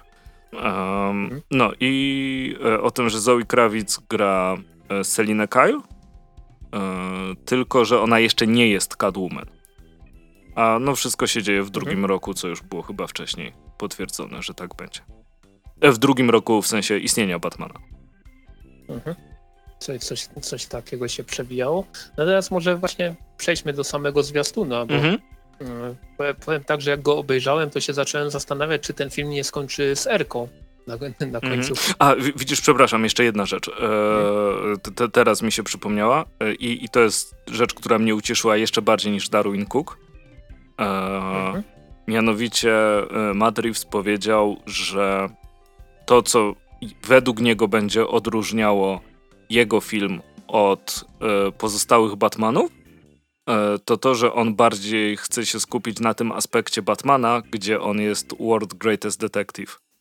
No to ja już, wiesz, o. palpitacje, bo na, na, najważniejsza rzecz dla mnie. E, to, to tym się jaram i to naprawdę, naprawdę się jaram. Bardzo mi się podobał. I teraz przechodząc do zwiastunu, tak, mógłby skończyć z Erką. No on jest taki, powiedziałbym, zaskakująco mroczny, nawet jak na. Nawet, nawet jak, jak, na Batmana, nie? No ale tak, je, jednak je, twarze zaklejone taśmą są. No, straszne. Mhm. Zdecydowanie. No właśnie chciałem powiedzieć, że ten początek jest taki nie dość, że bardzo klimatyczny, później, później się w ogóle robi straszliwie niepokojący. Mam nadzieję, że z tego Riddlera zrobią zrobią naprawdę konkretną postać. Ciekawe też, y, jak się, poka jak się zaprezentuje Pingwin, bo wiadomo... E... I jeszcze nie jest Pingwinem, co on też o tym wspominał, że, mhm. że dopiero szykuje się na bycie nim i nie lubi bycia nazywanym Pingwinem. Mhm. Okej, okay, okej, okay. tutaj oczywiście teraz zapomniałem, aha, Colin Farrell, no to, to, to jest jednak też, też takie, można powiedzieć, dość, dość duże nazwisko. Mhm. E, I no, no zwiastun wygląda tak, że nie pokazuje za dużo, co jest fajne, ale też skoro mają tylko 25% filmu tak, na, tak. nagrane, to, to ciężko, żeby tam poskładali coś. I, ale też fajną e... rzecz po, poskładali z tego, bo mamy i właśnie tą tajemnicę, mamy tego, jak, jak się domyślam, Riddlera, który jest w takiej, bo to Riddler, prawda? Te okulary, taka maska i tak dalej. Prawdopodobnie. No, eee, chyba, być może. Chyba. I właśnie to jest fajne, że nie do końca wiemy. tak, że, że, że zostaje ta zagadka w końcu World Greatest Detective. Eee, ale jest też scena walki, która jest bardzo fajnie wyreżyserowana. Eee, z tą grupą takich. No, jak widzisz w Batmanie farbę na twarzy, to zawsze sobie myślisz, że to jest ktoś od Jokera, nie? Mhm. Mm, chociaż chyba od Pingwina też sobie malowali, nie? Na takie czarne. Tak. Tak, i właśnie chciałem powiedzieć, że wydaje mi się, że to będą ludzie pingwina, a, -hmm. a, mhm. a nie jacyś tam pr proto-jokerzy. No, ale tak, tak czy siak, no. e, jeśli z ćwierci filmu byli w stanie zmontować e, taki zwiastun, e, nie wiem oczywiście jak tam plan produkcyjny wyglądał, ale pewnie najbardziej efektowne rzeczy na koniec, jakby się komuś coś stało. Mhm. No to no naprawdę nie mogę się doczekać. To, to jest. Tak się e, Y, od, od paru y, y, jejku, e, od paru lat zakładam, że nie, nie Andrzej, już, już mm, nie, nie ten wiek, nie hypuj się na jakieś produkcje o superbohaterach, bo nie warto, no i wiesz, i wychodzi z miastem Batmana. Reevesa, ja sobie... I, i Jaranko, mm, nie? Mm, do kina. już szybciej. Albo to znaczy, róbcie ile musicie, żeby był dobry, ale, mm, ale chcę to zobaczyć. I bardzo mi się podoba kostium Batmana, który, który też tak zobaczyliśmy ładnie w całości. A łącznie z maską? Ja nie, nie mam nic do maski. No, mi, się, mi się w całym kostiumie właśnie tylko ta maska tak troszeczkę nie podoba, bo e, jakby to powiedzieć, taka zbyt jajowata. Mm -hmm, Widziałem, widziałem też w internecie, że sporo osób się, się śmieje, tak, ale z taką, z taką sympatią, że dostaniemy najbardziej emo Batmana, jak, jakiego tylko można sobie wyobrazić. No, bo sobie oczy maluje? E, no, u Nolana też sobie malował. E, tylko nie pokazywali tego w filmie. Paweł, pozdrawiam. e, jak, jak słuchasz. E, tak czy siak, e, jeśli chodzi o... o tam też Matt Reeves mówił, że że wszystko, co, co Batman ma jakby na sobie, że sam zbudował. Dlatego niektóre rzeczy są dość toporne. Więc, no chociaż no faktycznie to wygląda trochę jak kask motocyklowy, nie? Mm, e, emblemat na piersi mi się bardzo podoba. Mm, I co mi się... Tak, I Batmobil tak, mi się no. podoba. No. Taki jakby mocno stuningowany samochód, nie? Mhm. Jak najpierw na zwiastunie tak, pojawia się z tyłu, jak się włącza silnik i tak dalej, już uuu, znowu jakiś, wiesz, tam e, Tumblr, on się nazywał u Nolana chyba? No nieważne. Um, hmm? Jakieś takie wyczynowe auto patrzysz z przodu, a to taki klasyczny samochód, e, tro, trochę taki um, klimaty zielonego szerszenia, bym powiedział.